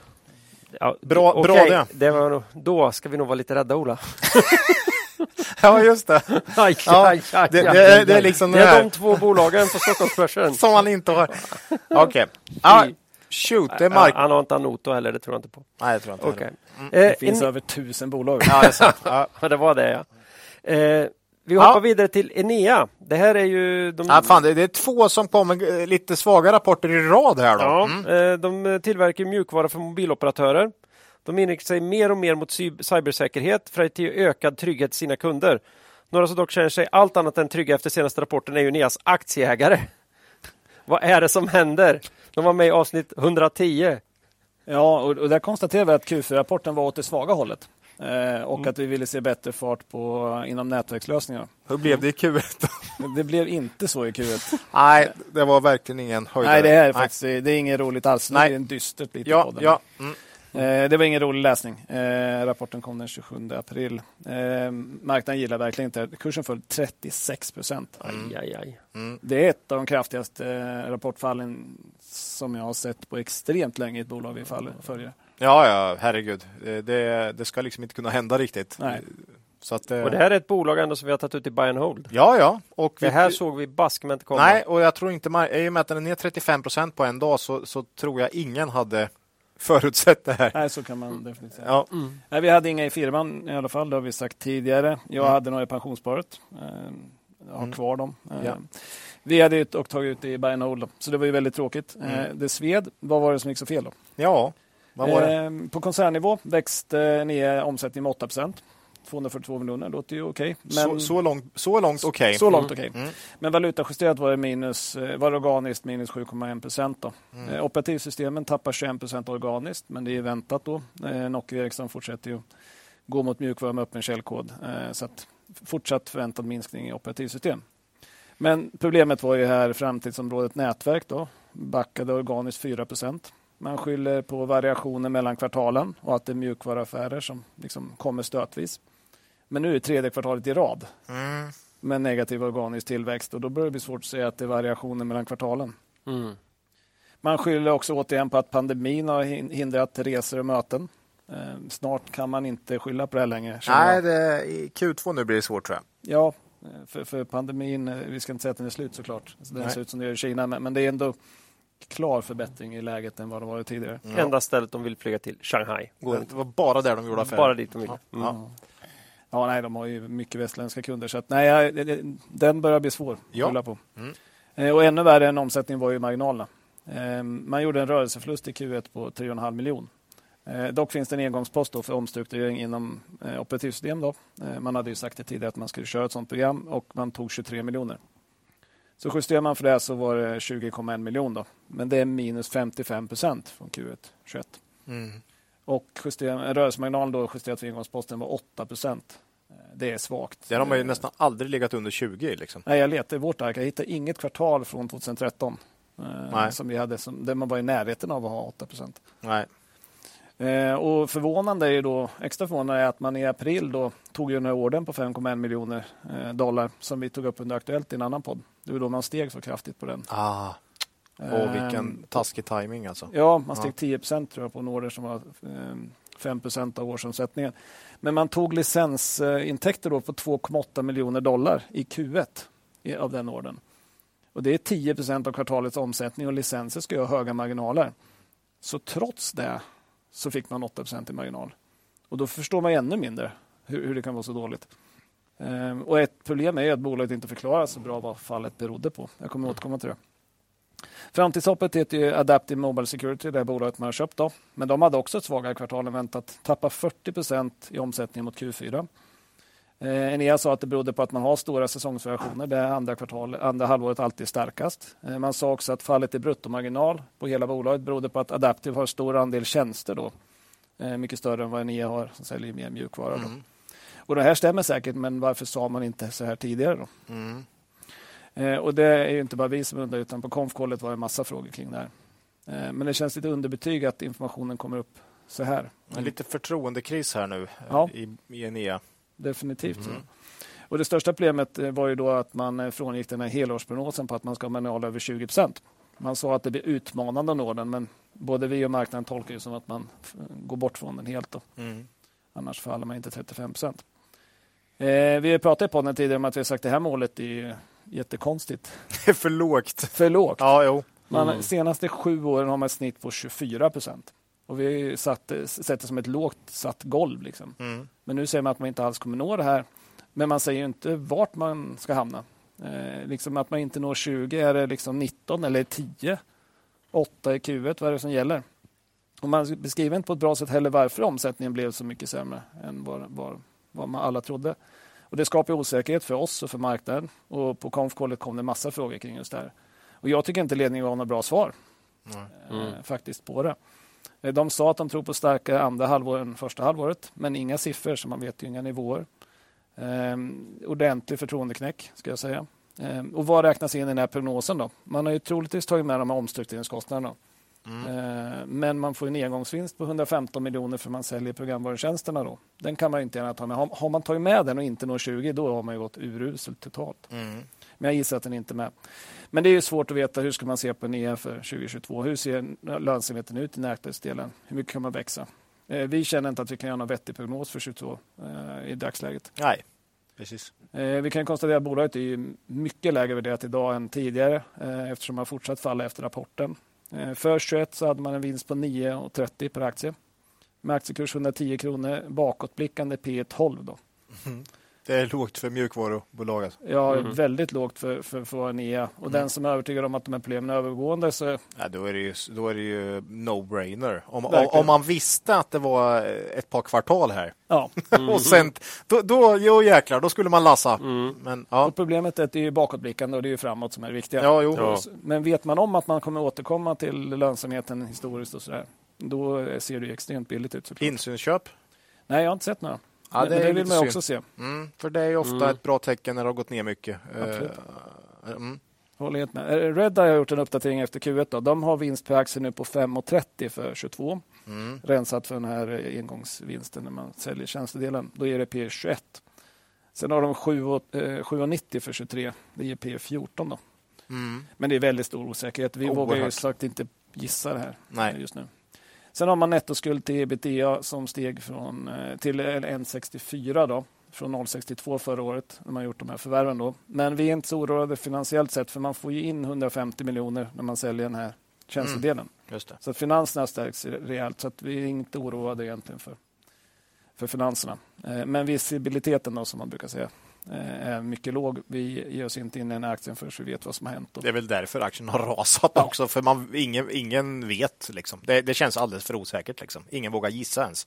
Och det var väldigt tydligt. Men, men problemet var ju det här med att ledningen, jag tyckte inte man förklarade riktigt bra Nej. varför det såg ut så här. Eh, Och vi hade nog tyckt en vinstvarning hade varit på sin plats. Herregud! Alltså om vinstvarnar inte för det här, vad, vad ska man då vinstvarna för? Eh, Ja, nej, jag håller med. Eh, Men det som har hänt i Enea här är lite risken med bolag som är lite högervärderade med högre P tal. Går något snett så blir fallhöjden större. ja, Eh, solklart. Och det är en anledning till att vi inte köpt in dem i firman då, för att de har varit lite högervärderade som vi har sagt. Mm. Däremot har vi tagit ut en buy and hold för ett bra köp på riktigt lång sikt. Då. Men tänker in i VDs situation här. Han sitter här, vet att imorgon är det rapport. Mm. Så klockan kan ha varit sex på morgonen, då får han rapporten skickad till sig. Du menar, Va? ingen aning innan? Va? Va? Ja, jo. Vilken jäkla chock! Och sen Ja. ska han möta... Pressen. Nej, det är ju inte så det har Nej. gått till. Nej, det är helt orimligt faktiskt. Ja. Ja, Det är jättemärkligt. En, en till grej här, just vi tog med buy and hold och så. Det, det är ju liksom lite här kan man trycka på vikten av riskspridning Ja. och att vi då har med 10% i en buy and hold portfölj och vi tycker att just det här eh, alla ägg i samma korg inte är en bra strategi. För det är många som har förespråkat det nu senaste åren eftersom att det har Du, funkat. du menar så kallad fokus Invest, investing? ja. Man vet inte vart Svartepetter dyker upp. Vi hade ingen A. Alltså, Nej. hur skulle man kunna veta det här på förhand? Det finns ingenting i Neas historik som tyder på det här kvartalet. Nej. Eh, och som sagt, är man all in här så hade man varit 35% ner i portföljen på Mm. den dagen. Är man, har, man ti, har man 10% i Enea så är man i 3,5. Lite grann, Det är lite är det skillnad. där. lite grann är, Jag nämnde ju faktiskt det här med IAR när vi hade uppe dem. Ja, IAR och, Och det, så, var ju sån så är det att det är lite smocka. märkligt för de vart också av med sin huvudprodukt så att säga. Plötsligt så, så skulle deras kunder använda eh, så här gratis variant istället. Mm. Och, eh, menas, eh, och e- Enea har egentligen råkat ut för samma sak, bara att de lyckades parera det, trodde vi. Mm. Men har de det verkligen? Det är lite det som är svårt. Hade, hade det varit ett tillverkande bolag och man helt plötsligt har vetat att de har i alla år här sålt produkt X. Mm. Nu går den skitdåligt, men det gör inget för man räddar det med produkt Y där vi inte har någon historik eller en aning om. Dessutom kanske lite nya kunder till och med. Mm. Ja. Det hade vi aldrig suttit så här långt i båten. Men är digitala affärsmodeller så är vi ju lite... Ja, Man vet, alltså, Det är svårare. Och, och Enea har en verksamhet som är väldigt svår för Mm. en lekman att förstå också, eh, skulle jag säga. Och vi är ju lekmän då. Eh. Nej, så det här, det här ska, jag tycker vi ska lära oss något av det här. Ja, Definitivt. De sa någonting i stil med just den här när de pratar skyller på covid, att de inte har möten. Att det är svårare för en liten aktör som Enea att, att sälja in sina system liksom, om man inte får träffas mm. in person. Då. Ja, vi, vi kan hoppas att, att eh, liksom med, med liksom pandemin, att den liksom har att nu kan de ju möta sina kunder igen. Ja. Att, att, det ska lätt, att det ska bli bättre nu för det nya. Då. Men det här ska man ju kolla jättenoga varje kvartal, här kommande kvartal såklart. Ja, blir Eh, nästa rapport extremt viktig. Nästa rapport blir oerhört intressant. Oerhört intressant. Så att, eh, men men vi, eh, vi fortsätter följa bolaget. Det här var en jättestor besvikelse. Ja. Jag har kvar aktierna i pensionssparet, men jag har inte köpt något mer för att jag vill se att det blir bättre om jag ska ha något mer. Jag, jag äger inget i Enea. Historiskt väldigt fint bolag och vi brukar säga att fina bolag brukar fortsätta att vara fina, bolag. Det är ganska sällan det blir tvärtom, De- så att vi hoppas att de kommer tillbaka. Vi hoppas de kommer Vi tillbaka. hoppas vi sitter om ett halvår och pratar om comebacken. Ja, Mm. precis. Det var den mäktigaste studs vi någonsin... ja, who knows? Vi får se. Ja. Eh, vi ångar på här med G5 Ja, Entertainment. Ännu mer digitalt här. Ja, det är mobilspelsleverantör. Mm. De har ju huvud, huvuddelen av sin personal i Ukraina och Ryssland som hittat. Och huvuddelen av sina kunder eh, är eh, kvinnor över 35 i USA tror Ja. jag faktiskt. Om jag ska... Så, det, Så det. så de binder ihop. Hur, Världen. Man undrar lite hur det går för dem här. Vi hade med oss senast i avsnitt 111. Det kom ut exakt en vecka före Putins invasion. Så jag Mhm. tänker det kan ha varit lite stökigt. Vi har, tagit, vi har pratat om det i podden, men inte, inte på det här sättet. Ja, nej, men precis. Vi, vi, vi konstaterar faktiskt ändå att eh, bolaget var ju lågt värderat. Men den typen av bolag var inte så populär då och inte varit det sedan dess heller. Det är inte det enda mobilspelsbolaget som har gått svagt så att säga. Eh, men sen kom ju då kriget. Ukraina-kursen föll ännu mer. Eh, och hur har det gått då för G5 att hantera kriget med stora kontor i Ukraina och, och Ryssland kan man undra. Jo, nej, men då kom en rapport 5 maj här och det visar att, att det gått överraskande bra. Eh, Mm. Man eh, och sköta driften trots kriget. Ökade intäkterna med 2% från föregående år. Jäkligt starkt med omständigheterna. Mm. Eh, sen hade man lite hjälp av valutan då, för i dollar så var det minus 8% Så att man hade lite valuta med vind där då. Eh, man tog 15 miljoner extra kostnader för man har haft eh, på grund av omlokalisering av personal, öppnandet av nya kontor. Man har öppnat kontor nu i ett antal grannländer då, dit man försöker flytta personalen. Jag för mig det var över 100 stycken från Rysslandskontoret som hade gått med på, eller som ville byta till Det är det här som jag tycker är så otäckt, att den största mängden är... Man tänk, de tänkte ju att vi kommer få dit våra, våra medarbetare i Ukraina naturligtvis. Ja. Men det är ju minst, om inte ännu fler ryssar Som har som försöker fly från, Ryssland. Ja. från, från den vansinniga diktaturen. Det är, det är värt att tänka på alltså. Mm. De upplysta vettiga ryssarna vill nog inte vara kvar. Ja, jag Nej. tror många andra också kan vara rädda. Mm. Mm. Så är det. Men, men så, utan dessa kostnader så ökar resultatet 15 procent med marginal om 20,5 procent. Det är vinst per aktie rekordnivå 7,48. Det är jäkligt starkt. Det lyfte ju du senast eh, snackade, när vi snackade G5 sist också, det här med att marginalen är på väg upp i G5. Ja. Eh, Så att det är ju en, en, en tung faktor här. Mm. Och då fortsätter ju den trenden trots eh, Ja. Ukraina-Ryssland. Ja, ja, Mm. ja. Men om man tar med de här kostnaderna så var rörelsemarginalen 16,1 då. Då hade man kostnader för användarförvärv, UA, User Acquisition, på 20 procent. Det är mitt i det intervall man har lämnat tidigare. Då. Eh, Men det kändes som ett starkt normalt kvartal, Mm. vilket är fantastiskt med tanke på förutsättningarna. verkligen. Mm. Eh, VD Vlad då sa att arbetet sker nu i princip normalt. Antal tim arbetade timmar var i stort sett som innan kriget. Eh, marknaden reagerade väldigt positivt, handlade upp kursen 8,3 procent tror jag, på en fallande börs. Har varit extremt svängig nu efter rapporten, men, Mm. men grund, den, den går uppåt. Eh, vi har i tidigare avsnitt talat om positiv trend som G5 haft med stigande bruttomarginal. Eh, fortsatte i Q1 eh, upp till 67 procent, upp från 59 förra året. Då. Som tidigare ökad andel egna spel då, som man inte behöver betala licensavgifter för och lägre spelavgifter främst i Microsoft Store. Då. Stora framtidshoppet är ju då det här spelet Sherlock. Eh, Ökat 202 procent från förra året. 25 procent från förra kvartalet och det är 17 procent av hela omsättningen. Ja, det är viktigt att få de här eh, storsäljarna, hittarna. Mm. Mm. Och det är upp från 6 procent förra året. Då. Eh, Och det är väldigt positivt och led, utvecklingen av Sherlock eh, blir mycket viktig framöver. Då. Och det leder in oss på den stora nyheten i rapporten. Då. Och det var att G5 säger att man på grund av framgången med egna spel och främst Sherlock då, ser en möjlighet att växa snabbare. Eh, Och därför kommer man under maj, juni och juli att kraftigt öka andelen UA då, upp till 35 procent. Det är en riktig ökning och satsning. Då.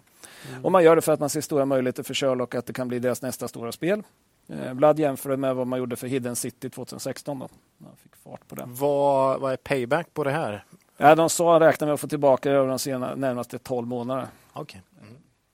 Och att det är inte bara att man får tillbaka de pengarna utan om man, får, man har ju stora skalfördelar. Mm. Så att när man växer så kan man öppna upp för ännu högre marginaler för hela bolaget. Då. Just det. Eh, Vlad sa att de hade gärna pushat på det här lite tidigare men det hade försenats av kriget då, som gjort att man fick fokusera på andra saker. Då. Helt förståeligt. Eh, man sa att man noga kommer följa upp hur det går och funkar det inte så kommer man trappa ner UA igen och det värsta som kan hända är då att man har spenderat lite pengar i extra. Då. Hur ser vi på G5 då? Jo, nej, men extra satsningen på UA kommer ju kosta på marginalen i Q2 och Q3. Eh, vi tycker det är rätt att satsa när man ser en sån här möjlighet. Vi har ju en del investerarkollegor som kan branschen bättre än vi. De Mm. brukar ju säga att de gillar när bolagen satsar på UA för då ser man liksom en bra risk-reward då på, på avkastningen på investeringen. Då. Mm. Vi har dock skruvat ner vinstförväntningarna lite grann då i och med Q2 och Q3. Eh, men vi tror ändå på en vinst på 22,50 eh, för 20- 2022. Eh, något ganska osäker prognos då, eftersom man vet ju inte exakt hur mycket UA de kommer göra. Det beror ju på hur bra det biter. Så. Nämnde vi inledningsvis vad UA är? User acquisition. Jag, Du sa det säkert, jag bara tar det igen så vi inte har Mm. missat det. När det är mycket UA, An- för det är viktigt. Användarförvärv. Ja, Ja. Man gör reklam i andra spel helt enkelt och För att värva värva in spelare. spelare. Mm. Eh, men eh, med aktiekurs på 225 då, eh, P 10. Mm. ABG och S eh, enskilda då har uppdaterat efter Q, eh, Q1 också. ABG tror på 21,30 för 22, 32,50 för 23 medan SEB tror på 19,60 och 29,70 för 23. Tar man ett snitt av deras prognoser så blir P 11 för i år och P 7,2 för nästa år. Ja, det är ju lågt alltså. Det är riktigt lågt Mm. för ett digitalt bolag utan skulder, kassa på 187 miljoner. Ja. Eh, slår eh, det här satsningen då som man gör nu eh, ut som de hoppas och man lyfter Sherlock på det sättet som man tror kommer värderingen vara något helt annat. Mm. eh, Kan vi säga. Men... Men- Nu, elak fråga. Vlad äger ju fortfarande en hel del här naturligtvis via bolag. Ja, In, inget privat längre. Nej. Han sålde de sista nu, men eh, det finns... eh, Wide har väl varit hans... de köpte ju lite fler än han sålde. Men Ja, det är lite stökigt det där. Jag, Mm. Men hur stor är andelen av bolaget? Jag har ingen känsla. kan det vara? Wide har väl Åtta- kanske 8 procent någonting, Ja, skulle jag gissa på. Ja, jag trodde han låg över 10 men han gör inte det. Nej, jag Alltså. tror Men där inte. någonstans. Nej, så det, är ju, det är klart att Vlad är ju, han är ju verkligen kött och blod. Han bryr sig ju. Det här är hans, Han bryr sig. det här är ju hans eh, bolag och han Ja. eh, styr. Ja. Men, men eh, ja, nej, det skulle ju kunna hända saker naturligtvis. Mm. Eh, Jag, det är så här lågt värderat. jag tycker han har rattat det jättebra i den här Ja. krisen. Ja, det här är man ju guld- stolt. guldstjärna. Jag är stolt över att ha varit ägare här. Jag är Ja. glad över att känna det när man har läst hans... ja. Han har varit ganska flitig med att uppdatera vad man hållit på med och inte Mm. tror det är ganska jobbig, eh, situation. jobbig situation för Mm. honom som eh, ryskfödd och eh, numera driver verksamhet i Ukraina och, och Ryssland. Liksom. Eh, Han skrev ju något där, han hade ju varit i Ryssland precis ju. Mm. Eller han var ju i Ryssland när det här hände och tog liksom, på, kändes som han tog sista planet ut. ja. Och det är nog en känsla han hade på, på riktigt att när kommer jag tillbaka hit? Nej, kanske, ald- alltså, Kanske den, aldrig. Den, den måste ju Den vara måste göra ont. oerhört jobbig. Mm. Usch! Mm. Ja, nej, men så vi, vi eh, har väl sagt det tidigare, vi har köpt in oss G5, vi har köpt mer aktier efter rapporten. Ja. Eh, Tycker risk reward har gått upp faktiskt. Känns ännu bättre nu. Ja, men den här rapporten var ju mycket bättre Ja. än vad man trodde. Mm. Eh, trodde ju inte den skulle nå en nivå som, om man tar bort engångskostnader, hade varit på rekordnivå i ett sånt här kvartal med Mm. det som har hänt. Liksom. Mm. Mm. Uppsidan är faktiskt ganska stor. Eh, om det här Sherlock går bra och värderingen är så här låg så finns det det här. För som vi har pratat om ti- tidigare så har G5 liksom pendlat mellan skräpvärdering då, eh, P eh, under 10 eller så och sen P 2025 helt plötsligt då. Så att den har man ju alltid och nu är den nere på P eh, un- 10 Ja. någonting. Eh, så att då, ja, det, det är, vi, vi tycker det känns intressant såklart. Mm. Så det var G5. Ja, Det var G5. Kul. Ja, Frukt, frukter du kör runt i, på mobiltelefonen och sådär. Ja, Mm. Grönsaker du ska para ihop och, och så. ja man fast de är, är, det inte hidden, är det inte hidden object som Jo, är den det- stora grejen här egentligen? är Det är det. bara du och jag det. Det som bara spelar jag som Jewels. Jo, ja, men jag tycker det. Jag, jag har är det- haft svårt för de här hidden, hidden objects. Jag, Och är det inte mycket Jewels där dessutom? Just i Jewels. Jo, det är det nog. Ja. Det är det nog. Ja. Mm. Så det här med frukterna, det kommer från andra poddar Ah, just det, just det. Nej, de ska jag inte... ja, Just det, det är en konkurrent, ja. Vi följer lite grann eh, Sherlock, så vi läser ju de här kommentarerna och folk är extremt positiva. Ja, Mm. dessutom kan man ju följa spelet lite hur det går på de här olika Sajterna. sajterna. Så man kan ju se lite hur, eh, hur bra det går. Men det, det, det jobbiga är att man vet ju inte hur mycket UA de lägger då Det samtidigt. För, för eh, det kan ju vara så att de kör på stenhårt och det inte riktigt biter ändå. Va? Så att, Så det. ja, Svårt svårt. Svårt. Ja, ja, ja, men bra. Kul med Det G5. hade varit lätt, hade inte haft en chans i den här typen Mm, av bolag att komma in. Så Eh, är det. Så är det. Eh, Inwido då? Ja, Eh, det här bolaget... N- när ska jag få... Du får du, aldrig... du måste ha bolag med, som börjar i alfabetet Ola. Det, Okej. Ja, just det. Jag Du har ju ska- R och V här och Ja, grejer. du kanske ska tänka lite när du väljer dina bolag. Ola, Välj bolag du- nästa gång. Aj, aj, aj. Det här till, Okej. bolaget Inwido tillhör eliten inom tillverkning av fönster och dörrar. Gissa om de var med i avsnitt 111 senast? Ja, Äh, det ja. var de. Mm. Så är det. In, Invado. Inwido. Jo, nej, men precis. Vi, vi hade ju med dem efter Q4 eh, och det är därför det är lite samma bolag. Eh, Mm. För de kom ungefär samtidigt. Eh, Förra rapporten... Vi försöker ju här, i den här podden inte ta samma bolag gång... Oh, just det, det är precis det vi gör. precis det vi vi tar gör. samma bolag Det är gång också så faktiskt gång att våra lyssnare en hel del frågar efter de här. Så att det är Ja. inte bara vi nu Nej. längre. Och det är väl lite Vi pratar man om vill det vi se är en intresserade uppföljning. av. Liksom. Man vill se en uppföljning, man vill, man vill hänga med liksom hur... Ja. Och sen finns det ju, det är för att vi tittar ju på de här i rapportperioderna. Ja. Det är det vi gör. Mm. Så att vi, Hur går det med Ja. ESG? Hur går det? Ja, ESG ser man inte mycket av. Nej, Det kan man säga. De jobbar ju hårt på det. Ja. Men, men de har inte fått någon kärlek där på det, Det, sättet. det är som vår vinstuppjustering. Det, det tar inte Det riktigt. tar en stund, men vi jobbar på. Ja. Kämpar och kämpar. Ja. Någon gång så. Någon gång. Nej, men de var med efter Q4 då och då såg vi att, eh, eller vi tyckte oss se att bolagets marginaler för första gången på flera kvartal hade försvagats då i förhållande till tidigare år och en effekt av prishöjningar på inputmaterial. Då. Eh, Och aktien hade väldigt tufft på börsen efter Q4-rapporten. Föll över 25 procent fram till Q1-rapporten. Och bland annat så var det rädsla för att man hade sysslat med så här analytikermassage då. ah, just det. Det var 10% på en handelsbank. Ja, Handelsbanken sänkte ju från köp till sälj Den är ju stark. precis ja. innan rapporten. Den är ju stark den signalen alltså. Ja, det tyckte marknaden också. Handlade ner 10 procent utan att veta någonting. Ja. Så hur var Q1 då? När den kom? Ja, jag vet, jag vet Det faktiskt. är så Ja. att Handelsbankens korta prognoser har börjat sådär. I alla fall i bor- I alla fall i Inwido. Ja. Ja, nej, men för rapporten kom ju 28 april och det här var ju vissa farhågorna var överdrivna. Det var ju en väldigt stark rapport. Ja. Mycket bättre än vad marknaden trodde och bättre än vad vi trodde också. Ingen analytikermassage i alla fall. Det var ingen sån. Nej. Nej, Jo, kursen här hård, sån här hård, smärtsam massage. ja. som kör med armbågarna. Ja, med armbågarna Ja, bara rakt Man bara ner. vill gråta hela Oh, tiden. oh, vad hemskt. Ja. Eh, nej, men eh, kursen steg på rapportdagen 10,5 procent. Tog tillbaks då. Tog tillbaks. Eh, uppgången var förståelig för bolaget gjorde sitt starkaste Q1 hittills. Förställ, försäljningen 26 procent upp. Strax över 2 miljarder. Organiskt 19 procent plus. Valuta 3 procent och lite förvärv. då. Men nu kostar ett fönster 25 procent mer också. Ja, och, och det, det, för det leder oss på nästa fråga. För Ja, ja, fick vd frågan hur mycket av den här organiska tillväxten är prishöjningen? ja, Eh, och det är ju alltid en bra fråga. det är eh, intressant nu Särskilt faktiskt. just nu. Mm. Han sa att det är lite svårt för det finns eh, mixeffekter, men en gissning var att lite mer än hälften Ja, var pris. Det var ärligt. ärligt och rimligt. och Mm. resten volym. Ehm, Så att, ja, det ska man med sig när man tittar på fina tillväxtsiffror som många bolag har. Mm. Och det är många som inte är så transparenta att det finns en priskomponent nu. Eh, Så att, Ja, eh, väldigt tydligt. väldigt tydligt. Mm. Eh, Men positivt för tillväxten var ju också att orderintaget eh, 28 procent plus och orderboken 57 procent plus. Herregud, 2,3 miljarder var uppe i. Det är den ska ju ordentligt. ut här. Ja. Så att, ja. Hur går det Eh, för e-handelsdelen? Ja, den är spännande. Det kommer till den. Ja, Ehm, för den brukar tappa i många bolag här nu har jag sett eh, i Q1. Ja. Ja. Det finns många bolag som kommer få en skjuts i omsättningen av högre priser. Men, men det, frågan är då, försvarar man marginalerna? För att det är lätt att, höja priser, men eh, kan man höja tillräckligt mycket? Så. Mm, mm. Men det gjorde man i, Inwido. Rörelsemarginal Q1 8,3 procent. Det är upp från 7,1 procent förra året. Då. Så det är en bra förbättring. Men om man tittar på att eh, Q1 är normalt det svagaste kvartalet. ja, nästan noll resultat historiskt. Ja, 3,4 procent i snitt mellan 15 och 20.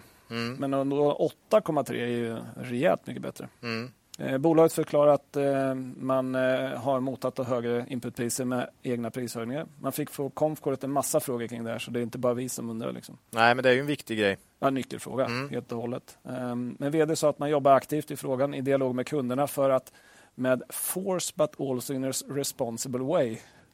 Lite svårt att liksom... Ja. Nej. Vill höja ihop med er, men annars då kommer vi höja. Jag kan tänka också, kan man inte spela det här spelet Ja, vill du ha fönster så får du betala mer. Ja, men, Ja. eh, eh, inte bara fönster, men just det här när det blir eh, efterfrågan och short, eh, vad heter det? Ja. Shortage. Eh, Ja, brist helt brist Mm. på saker. Att de som betalar mest får grejerna till slut. Eh, men eh, mm. Jag fixade ju lite i badrum hemma och kände att nej, jag måste byta fönstren här. Mm. Det, det håller inte sju- 70-talet va? Mm. Jag hade ju ingen aning vad ett fönster kostar längre. Jag har inte köpt ett fönster på 12 år. Så, eh, många kunder där ute som mig så kan ju sätta vilket pris han vill. Mm. Jag, Vad kostar jag köpte fönster? ju då? lite fönster där. Ja, de kostar väl någonstans runt 5000 kronor styck. Ja, det var inte så Men, farligt men du ändå. köpte lite eller? Ja. Bra. Körde Bra du. Svedbergs då? Det, det här har vi redan tagit upp. Jag tror vi tog det i Ja, podden senast. Men, men det är bra att du nu... Jag, jag nu är ju från ved, eller jag är Ja, inte just det. Vedum, men släkten på Vedum. Ja, vet ja, du. okej. okej. Men- Så men nu- Vedum och Elitfönster då? Ja. Mm. men nu var du lojal i alla fall. Nu var det Ja, bra. ja, ja. bra. Självklart. bra. Bra, Claes. Självklart. Härligt. Eh, Man flaggar för mer prishöjningar också framöver. Eh, En fråga som lyftes då på konfkålet är om den här stora orderboken då som man har. Om det finns saker man har sålt till fast pris men att man nu får dyrare inputmaterial. Då. Mhm. Eh, VD sa att det här var en utmaning för att orderboken är ovanligt lång då, och inflationen är ovanligt hög. Ja. Det är en lite jobbig kombo. Ja. Eh, Så det blir en viktig fråga att följa. Då. Eh, Lite osäkerhet där kan man säga. Mm. Eh, och nu går vi in på e-handelssatsningen då, för att den har vi talat om tidigare. Intressant, för man har ju tidigare sagt att här har vi bättre marginaler än på helheten. Så det är lite intressant nu. Man har gjort om rapporteringsområdena då så att man har e-handeln som ett separat affärsområde för första gången. Mm. Lite ironiskt då att det var klart svagaste området. Jo, jag kan förstå det. När man tittar på bolag runt omkring så e-handeln har ju tappat. Clas Olsson fick ju rejäl skjuts här igen då när folk ville tillbaka till butiker och så. Mm. Såg jag. Så att, mm. För omsättning 12 procent ner. ja. Ebitda-marginalen minus 4,2 och de jämförelstalet var plus 9,3. ja. Man sa, eh, man sa dock att man tyckte att det här berodde på att affärsområdet hade genomfört stora kapacitetsinvesteringar vid fabriken i Estland, men att det inte alls funkat som, man, som avsett. Då. Så man fick kapacitetstapp som man inte kunde möta efterfrågan från, då, som man såg. Så att man sa att eh, vi är process vi, vi håller på att lösa problemen. Det ska få mindre påverkan i Q2 än Q1 och det ska vara löst under Q2. Mm.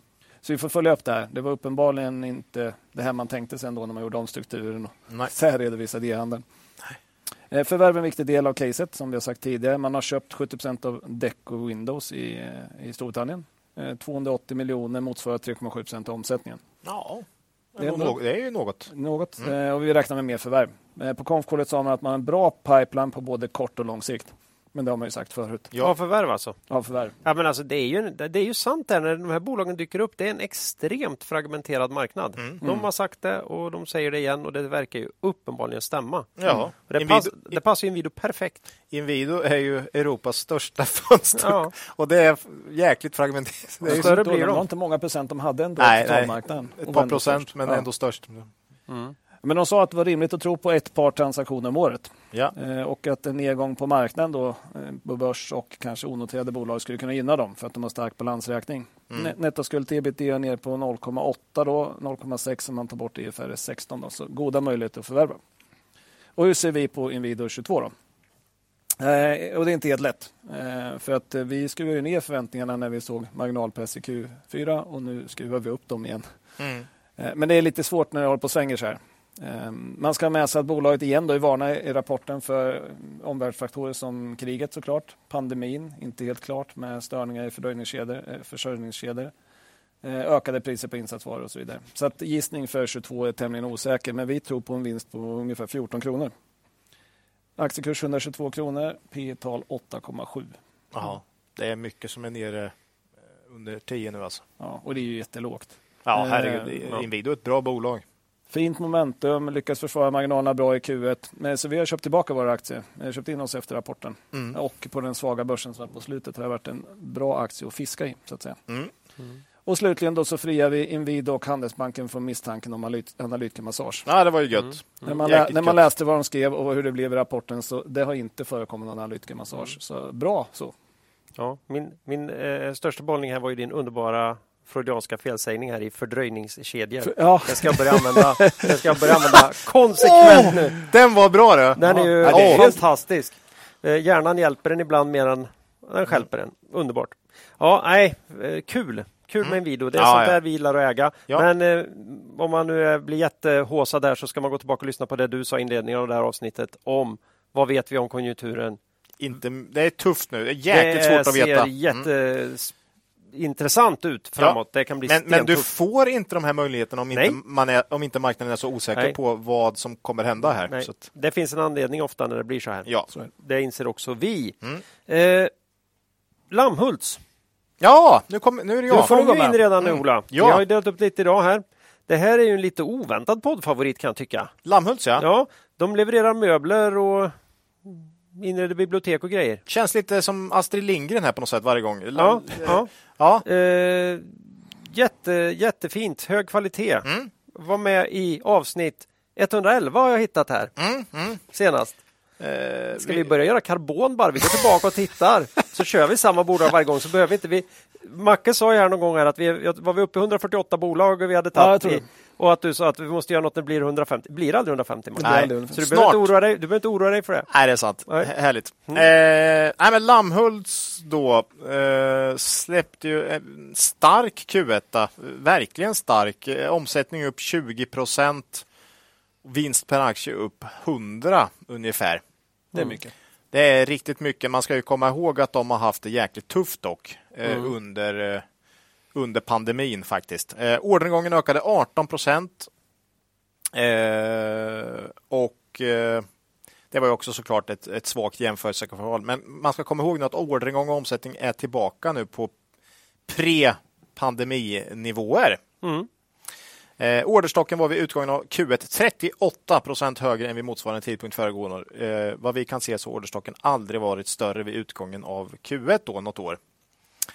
Eh, kollar vi på de två affärsområdena här så var det Office Interior som stod för tillväxten och resultatförbättringen. Eh, bibliotek tappade några procent, så det här är en återgång för eh, för kontor, mm. helt enkelt. Man, man hävdar att man tar en hel del affärer på grund av att företag liksom tänker lite nytt vad gäller kontorslösningar. Mm. En hel del absorbenter och den typen av, eh, av uh, saker också. Mm.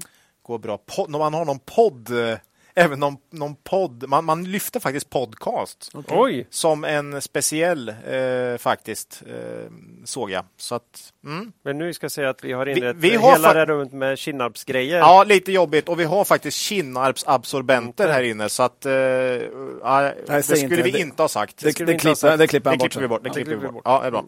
Eh, Förmodligen. Mm. Nej, men Lammhus verkar nu vara tillbaka här faktiskt efter riktig covid-förlorare så här i efterhand. Eh, mm. Men eh, ja, vi har, som vi har sagt tidigare i podden här så tror vi faktiskt att eh, Lammuts har bra möjligheter att nu efter pandemin här eh, öka lönsamheten eh, ytterligare då. Nu är det ju mer att de mer har kommit tillbaks från usla siffror mm. under pandemin. Men Q1 visade faktiskt på en lönsamhet som är klart bättre än historiskt med motsvarande omsättning så att säga. Mm. Så att eh, man gjorde många åtgärder under pandemin också för att få upp lönsamheten och jag tror de börjar få se lite effekter av det här nu då. Eh, vi tycker nu att Q1 ger fog för att tro på en vinst per aktie på cirka 6,50 i år. På kurs 43,50. Vet inte vad den står i, det är så ryckigt på börsen nu, men mm. eh, så ger det ett P tal på 6,7. Det är ju så det är en, eh, ett ny, en ny rekordnotering för den här podden här idag. ja, under sju är faktiskt ganska sällan ja, man ser är... på lönsamma bolag har sagt, med, alltså, med lång historik. Jag vet faktiskt ibland när du screenar så sätter du sju neråt. Ja, jag för att inte... du vill inte ha skräpet nej, som nej. är något skit då. Nej, så, så det här är lågt. Mm. Uh, och utdelningspolicyn är på 40 procent. Bara det ger ju då 6 procent direktavkastning på en sån här mm. låg, mm. låg värdering då. Eh, lands, Lammuts balansräkning är nu också i gott skick faktiskt. Så det här är liksom ingen ev-ebit som sticker iväg utan eh, det skulle inte förvåna mig om man pratar förvärv. Det var ett tag sedan så det kan mycket väl komma då. Priserna på onoterat kan ju vara på väg ner nu då. Borde vara. Och då skulle ju ett förvärv kunna förbättra nyckeltalen ytterligare då. Mm. Såklart. Eh, Lammhults aktie är dock plus 5% i år och eh, 10% upp om man räknar med utdelningen. Så den har ju verkligen över, överavkastat då. Eh, men det är ju förståeligt mm. på något sätt. En pandemiförlorare som levererar bra nu eh, och kanske går till och med lite bättre än historiskt då. Ehm, ja, jag får väl säga som vi sa i inledningen, om inte konjunkturen havererar totalt här så tror vi det ser ganska bra ut för Lammhults i år. Alltså. Mm. Eh, och kanske framåt ytterligare då om de får till det interna arbetet. Mm. Eh, och vi äger aktier i Lammhults här, har vi sagt tidigare. Mm. Och gör så eh, fortsatt. Ja, vi, eh, vi får se. Det är en del lyssnare som har ifrågasatt Lammhults här och jag kan förstå varför. Eh, och vi har inte vågat gå in så där jättetungt heller. Den är lite tunn. Den är tunn likviditet i och det ska man veta. Man blir liksom lite, mm. Det blir en, eh, ett giftermål här lite mer om man ska köpa. Nej, det här är inte en hörnsten i portföljen direkt. Nej, det är det inte. Men, men, eh, nej, men vi gillar Lammhults faktiskt. Mm. Eh, och värderingen är ju oerhört låg. Då, så. Mm. mm. Vi rullar på. Mm. Så är det. Mm. Så är det. Eh, skoj! Det var L. Vad är vi på då? Ja, nu är vi på N. Just mm. det. Som i Nordnet. den här gången. För vi eh, välkomnar åter vår sponsor Nordnet till podden. Aha. Och Nordnet, de då, i sin tur välkomnar alla våra lyssnare till, sin, till den nionde upplagan av det mycket uppskattade eventet Nordnet Live. Ja. Eh, det här är ett gratis-event. Hela bra. sändningen, eh, det är digitalt. Mm. Och det finns ju möjlighet att interagera och ställa frågor till talare och experter i, i den här lösningen. Eh, eventet går av stapeln den 17 maj, alltså kommande tisdag klockan 11 till 13 och på den, på den tiden då så kommer en rad ämnen att avhandlas i rask takt. Och programmet hittar vi, I programmet hittar vi både spännande ämnen och talare.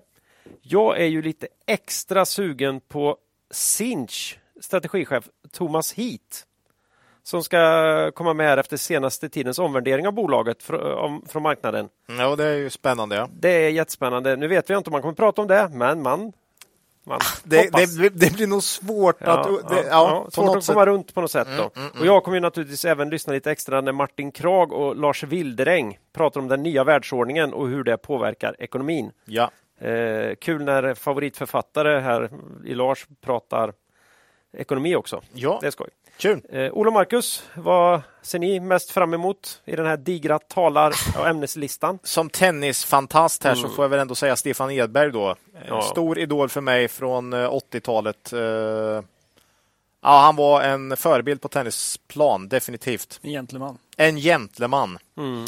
Jag vet inte riktigt. Jag tror han har ju hållit på länge som investerare med nu faktiskt, så att han verkar vara framgångsrik där också. Så Stefan Edberg ska jag definitivt lyssna på. Och sen, ja, eh, börsåret 2022, fallgropar och möjligheter. Sånt är ju alltid kul att höra när förvaltare sitter och, och gissar om nuläget. Har du eh, några fallgropar eller? Och framtiden, vad sa du? Har du varit några fallgropar eller? Nej, Nej inga fallgropar än så länge. Men eh, ja, nej, men de två grejerna kan väl jag säga att jag definitivt ska kolla på. Mm. Mm. Macke? Jag, jag, såg att Fredrik Ekström, VD för Stockholmsbörsen, kom dit. Mm. Det blir intressant att se om man kan spilla lite ljus över den här flashcrashen ja. mm. som Citigroup orsakade. Och, eh, men vad börsen kan göra för att undvika en upprepning framöver. så att säga. Mm. Ja, det lär han få frågor om. Ja, det borde han. Jag hoppas mm. han pratar om det. Mm. Eh, sen såg vi också att det var ju både Erik Strand från AG Fonder och Christian Kopfler från Handelsbanken kommer dit och prata råvaror. Mm. Det tycker jag är intressant, eh, särskilt i ett sånt här läge när vi har hög inflation. Då. Eh, dels för att vid hög inflation så är råvaror intressanta att investera i. Då. Men också för att priserna på råvarorna påverkar inflationen framåt kraftigt. Då. Ja. Så det blir intressant att se vad de har att säga. Mm. Ja, det finns mycket där. Ja, och det, det finns mycket, mycket mer. Men vi hinner inte gå igenom allt här. Utan det kan man ju Um, om man, uh, ja, man kan delta i eventet som är gratis. Nordnet och för att se hela programmet här då. Mm. Så det enda man behöver göra är att gå in på nordnet.se nordnetlive. Då kommer man till den här anmälningssidan. Jag lägger den här länken också i avsnittsbeskrivningen. Snyggt. Så det är bara att trycka till med fingret där. Och det var på tisdag. Det är på tisdag då. Mm. Uh, och skulle man då råka vara upptagen den här tiden så kommer hela eventet, gås i efterhand då, det, då de lägger ut eh, Nordnet lägger ut det på Youtube. Snyggt. Så det är inte bara Edberg som får en andra serv så. när Nordnet bjuder till, utan det får också våra kära lyssnare. Badam, bam, ja. Ja, missa inte chansen till mycket nya insikter i en turbulent börstid. Vi är taggade i alla fall. Tack säger vi till vår sponsor Nordnet. Nu då, två bolag kvar. Oj, är det, då är det jag. Vi är nog på väg mot längsta podden någonsin. I och med att jag har två bolag kvar mm. så är det jag då, då som, som ja. kör en dubbel... Eh, eh, kan, det här kanske går som en raket där, för det är nämligen, ja, det är ju inte alls det det handlar om. Det är Rake Tech. Ja. Eh, det här är Affiliate in My Gaming eh, som leder spelsugna människor till vad de då anser är rätt operatör. De mm. senaste avsnitt 112. Ja, eh, Rake Tech. Eh, de släppte sin Q1 igår. Och omsättningen kom in eh, faktiskt exakt in line med våra förväntningar. Rörelseresultatet var cirka 10% bättre än, eh, än våra förväntningar. Mm. Eh, total omsättning ökade med 53% Resultatet ökade med cirka 100% jämfört med Q1 2021. Förvärv står för en stor del av ökningen här. Organiskt ökade omsättningen med 7 men då måste kursen gått bra eller? det, det, Nej, det vi, kommer, vi, kommer till, vi, kommer, okay. vi kommer till det. Okay. Eh, andel sport som del av omsättningen ökar fort i RakeTech. Efter, den senaste för, efter de senaste förvärven var andelen 34 procent i Q1. Mm, okay. Det här var ju i mångt och mycket ett kasino affiliation-bolag här för ett par år sedan. Nu är det ju då alltså 34 procent sport. Mm. Namnet skvallrar att man börjar lite med poker. Rake, ja. Mm. Mm får man gå in och googla om man inte vet vad, vad att rake, ja, vad rake är. Mm. Eh, geografiska fördelning av intäkterna här ser betydligt bättre ut nu än för ett, ett, par år sedan och det har ju verkligen gjort att vi också blivit lite mer sugna här på RakeTech. Mm. Norden 42, övriga Europa 5 procent. Det är inte mycket det. Nej. USA 19 och här är man ju på den här som Betsson var, Rest of the World 33. Så det är ju mycket då. Det är Mm. Indien, det är Japan. Japan, det är Sydamerika. Så att, eh, mm. Nej, men bra spridning här nu. Eh, Finland stack ut på den negativa sidan, eh, sa man själv, och då är det nya regleringar där som har lett till att många operatörer har minskat sina investeringar i marknadsföring och affiliation i landet. Eh, man får väl säga att, att omsättningen ökar så pass starkt i Raketech under Q1 visar just på det här vikten av, av spridning på olika geografiska marknader. Eh, tänk man hade ju hade man 80 procent i Sverige för fem år sedan tror jag. Eh, så att, då blir det ju jobbigt om de länderna eh, inför någon reglering så att säga.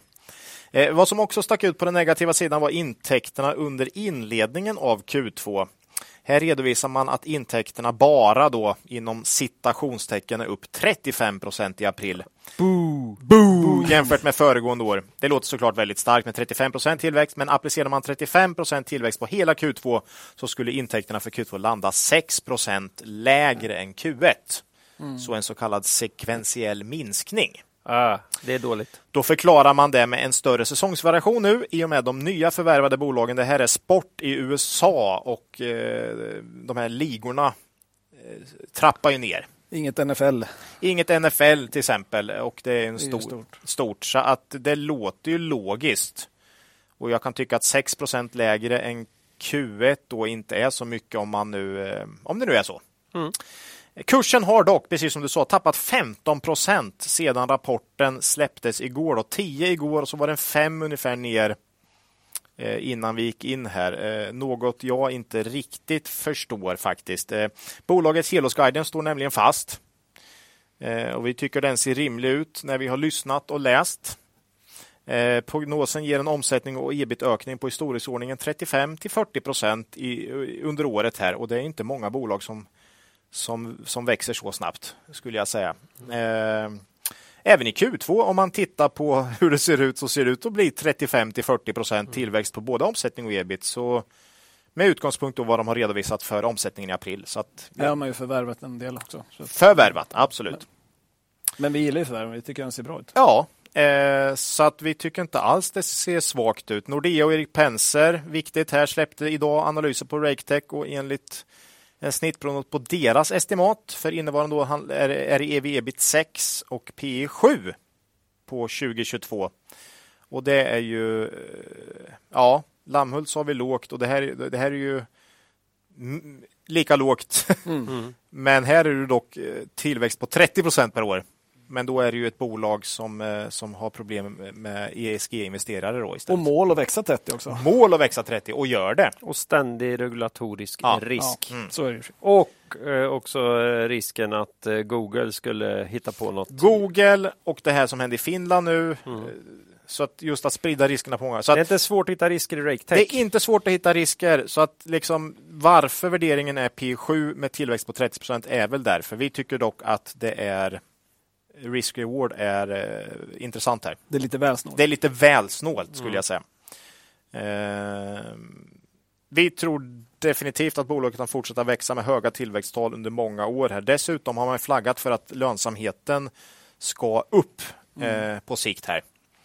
Eh, Så det är väl också en sån där eh, faktor som gör att man kan tro på en bra vinsttillväxt kommande år. Vi har köpt mer aktier efter rapporten. Mm. Passat på att öka där. Det är allmänt negg på börsen också. Så att, man, alltså alla rapporter nu, man, man, får, man får ta alla kurs, kurs, kursreaktioner med en nypa salt tycker jag. För det är inte säkert att det bara är bolagets eh, utveckling som, som marknaden fokuserar på här. Utan det kan vara massa olika saker. Fonder som passar på att sälja och Exakt. kan vara någon som sitter och verkligen behöver ha likviditeten vid rapporten för att gå ur. Ja, och, så börsen är negg. Eh, släpper du rapport på en minus tre dag så är det ganska stor skillnad än om du släpper det på plus två. Eh, så det är också en sån där, man, man, man får, man, det, är, det är svårt att bedöma marknadens reaktion fullt ut på. Det här tyckte vi var lite konstig. Ja, det var konstigt. Eh, nej, men så vi, har, vi har använt nedgången här efter rapport och, och köpt mer här. Så. Vi är inte bittra. Det är Nej, nej, det är vi, nej, men det är vi faktiskt inte. Nej. Eh, Det brukar ordna sig på sikt. Det det brukar ordna sig. Ja. Nej, här, eh, det måste man vara medveten om när man går in i den här typen av bolag. Mm. Vi har i den här podden sagt eh, när vi på den gamla goda tiden när vi gick igenom vad är iGaming och vad finns det för typ av verksamheter där så har vi sagt att uh, affiliates, de håller vi oss ifrån. Ja. Särskilt då mycket i samband man pratar om Catena Media och deras ganska så svulstiga värderingar till och från. Ja, och förvärvs... Mm. eh, Men RateTech har uh, vuxit på oss. Ja. Vi har förtroende för ledningen och då kan, de, le- de levererar, tycker vi. då kan vi hamna här. Så är det. Men det här är lite högre risk kanske än en del annat Ja, vi brukar ta i. Men, men inte problem med leverantörskedjor och sånt i alla fall. Nej. Det är en Så- digital verksamhet, så den Det- fördelen har de. Det är en annan typ av risk Ja. och vi gillar att sprida mellan olika Den är bra.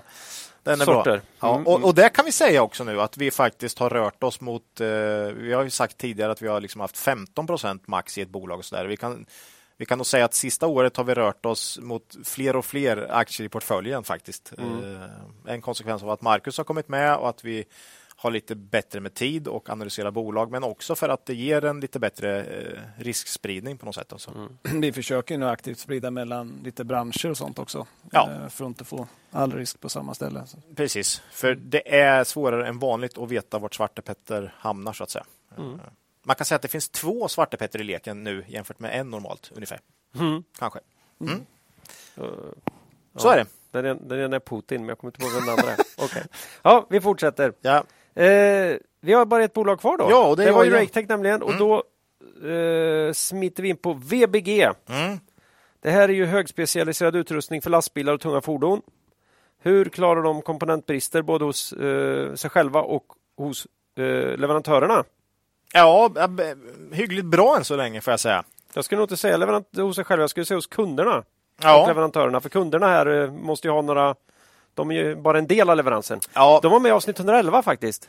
oj, nej. Mm. Ja, men VBG, eh, det är många av våra lyssnare faktiskt som har frågat efter, eh, efter VBG på sistone. Det tycker vi är jättekul för vi gillar VB VBG Mm. och det är ett kvalitetsbolag.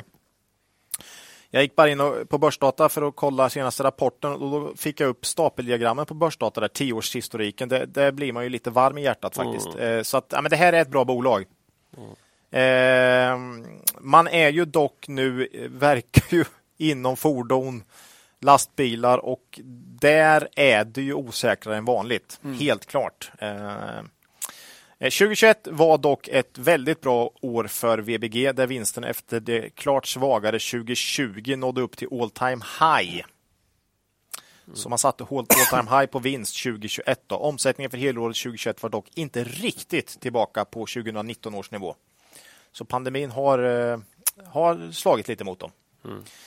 Q1 2022 visade på fortsatt rejäl tillväxt, 28 procent omsättningsökning jämfört med samma period 2021. I och för sig, Q1 2021 var ganska svagt omsättningsmässigt. Då.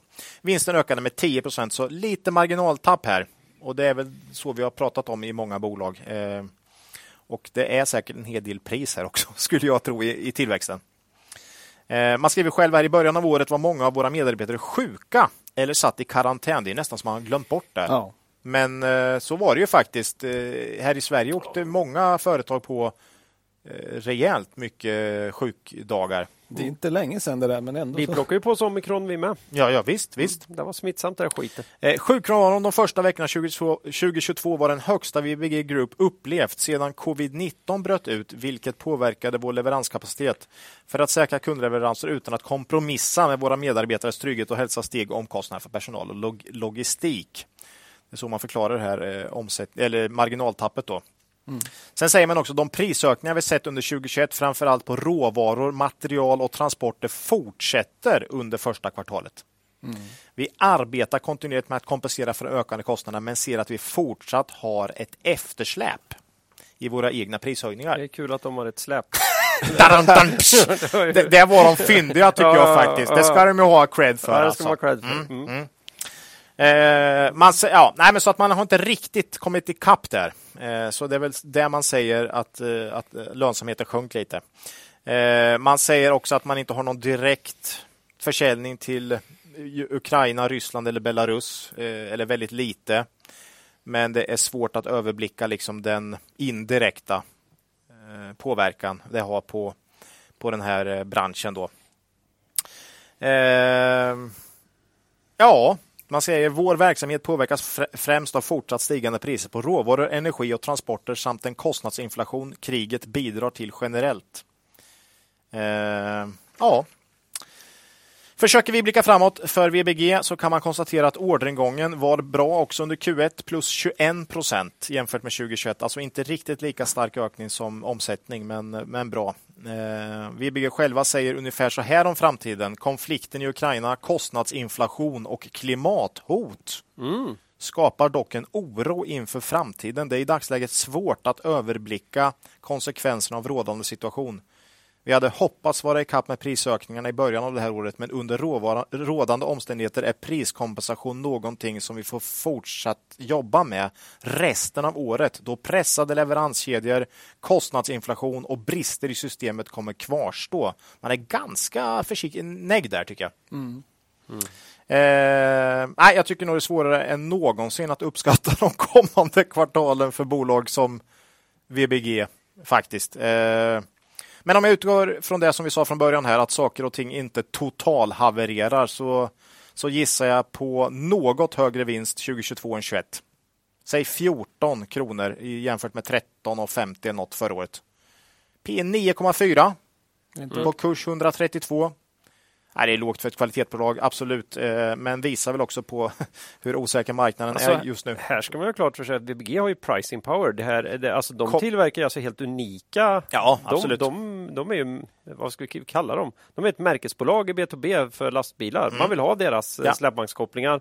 Man vill ha deras... Och de är ett eller två på alla ja. i alla sina segment. Liksom. Så att, nej, nej. Så Med en förskjutning kommer ja. de kunna definitivt.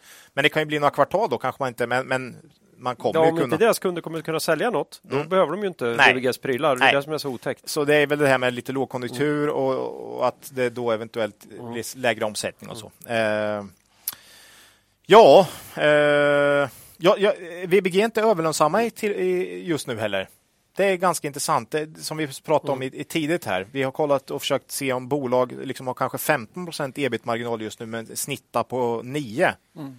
Då ska man vara lite försiktig. Mm. Men VBGs eh, lönsamhet i Q1 var exakt på det historiska Q1-snittet eh, på tio år. Mm. Så att de är ungefär, så, så den har du ju inte heller riktigt då faktiskt. Eh, stark balansräkning, förhoppningsvis får de till det här förvärvet, eh, det större förvärvet de har pratat om. Eh, det här, ja, nej, jag, jag gillar VBG jättemycket. Det här, det här tror jag är ett bra buy and hold case på nuvarande kurs.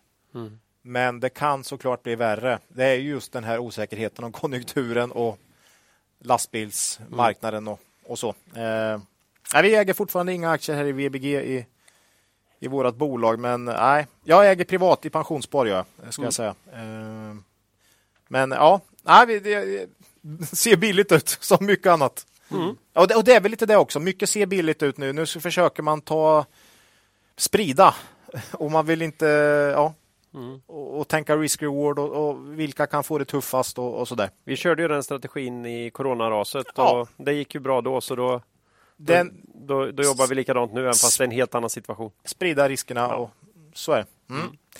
Nej, men bra bolag, fortsätter leverera bra, eh, är säkert ett bra, bra bolag att äga på sikt tror vi. Mm. mm. Det om VBG då? Ja.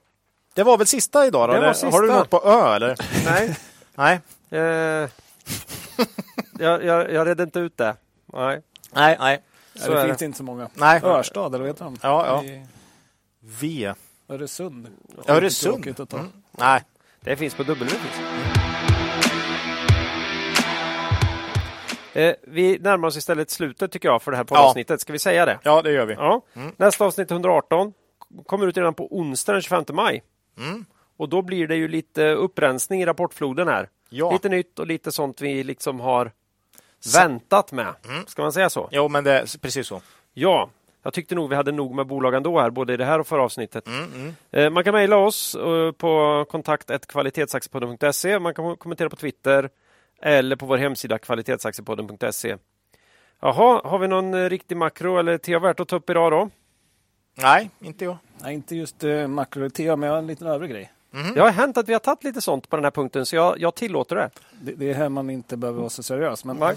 nej men vi, vi, har en, vi har ju tidigare pratat om den här eh, dokusåpan Villa Medusa. Som, ja. som vissa lyssnare kanske kommer ihåg. Men... Jag, jag har faktiskt varit ute och letat efter ett kul klipp att lägga ut på Twitter. Men eh, jag, jag, jag, alltså jag hittade det omnämnt det du tänker prata om här nu, men jag hittar inte själva själva den Ja, man vill, bilden. man vill när- ju se. man vill ju se va? Nej, för eh, alltså själva dokusåpan var inte så mycket att se. Nej, den var, den var fruktansvärt eh, lågbudget. Ja. Men, men de hade ju det här med att man delar ut vita och svarta kameler. Ja, det var roligt. Eh, Och det var ju då den som har gjort något bra eller något dåligt under veckan. Eh, Och det vill jag göra i avsnittet. För förra veckan så smög Nasdaq då, som driver Stockholmsbörsen ut ett så kallat börsmeddelande om att man ska börja handla i NGMs aktier i sitt eget system. Då. Eh, På NGM handlas ofta mindre aktier och medelstora aktier och att splitta upp likviditeten i de här eh, i flera orderböcker, det är en väldigt dålig idé. Det är inte bra för någon, några investerare oavsett vad Nasdaq än säger. Då. Eh, Jag såg också att Per Börjesson, vd i Spiltan, känd profil, eh, sa i en intervju i DI att han ska stämma Nasdaq om de tar upp Spiltans aktier till handel på Nasdaq. Eh, För han vill inte ha några robothandlare som handlar i Spiltans aktier. Härligt, härligt. Per. Skönt. Ja. Så därför vill jag dela ut veckans vita kamel till Perå. Ja. Heja Perå! Så han får den. Veckans svarta kamel går då självklart till amerikanska Nasdaq som vill återmonopolisera aktiehandeln i Sverige. Skä- Skämmes på er. Boo. Oh. Det var det. Det var det. Eh, äger vi något av det här vi har pratat om idag? typ rubbet. Nej, Nej. men eh, en hel del va? Betsson G5 en i- Inwido av dem jag pratar om. Och lite Svedbergs. Lammhults och Rake Tech äger vi i Och firman. Daddy Care. Daddy Care, just det. Mm. Så var det med det. Mm. Ja, eh, innan vi skiljs åt då vill vi bara påminna om den fina möjligheten som finns att månadsspara i Cavaliers fonder. Det kan man ju enkelt göra både via Nordnet, Avanza och Saver. Och då på de förstnämnda där även i sitt pensionsspar. Man ska komma ihåg att historisk avkastning i fonder inte behöver vara en indikator på framtida avkastning och att man kan förlora delar av sitt satsade kapital då fonder kan både gå upp och ner i värde. Om man är ny lyssnare av podden och undrar mer om våran investeringsfilosofi så här i orostider så går vi igenom det ordentligt i avsnitt 108. Så är det. Jag har även sett på Twitter att vissa har sökt sig tillbaks till det här eh, på fiske i börsdjupet då från, eh, från eh, coronaraset. Men den är bra. Det, det kan vara kul faktiskt att gå in och, och se för det är lite sam... Ja, det, det var mer extremt då i och för sig. Men, men, men visst, det kan vara kul att se. Ett uppslag. För det var, det var och lite börs, börsras och... Mm. Hur se vi, om vi hinner skrina lite här i juni om, om det här fortgår så att säga. ja, Då kanske vi kan göra något, ja, något liknande. något liknande igen då. På fiske i börsdjupet nummer, eh, Nummer två. nummer två.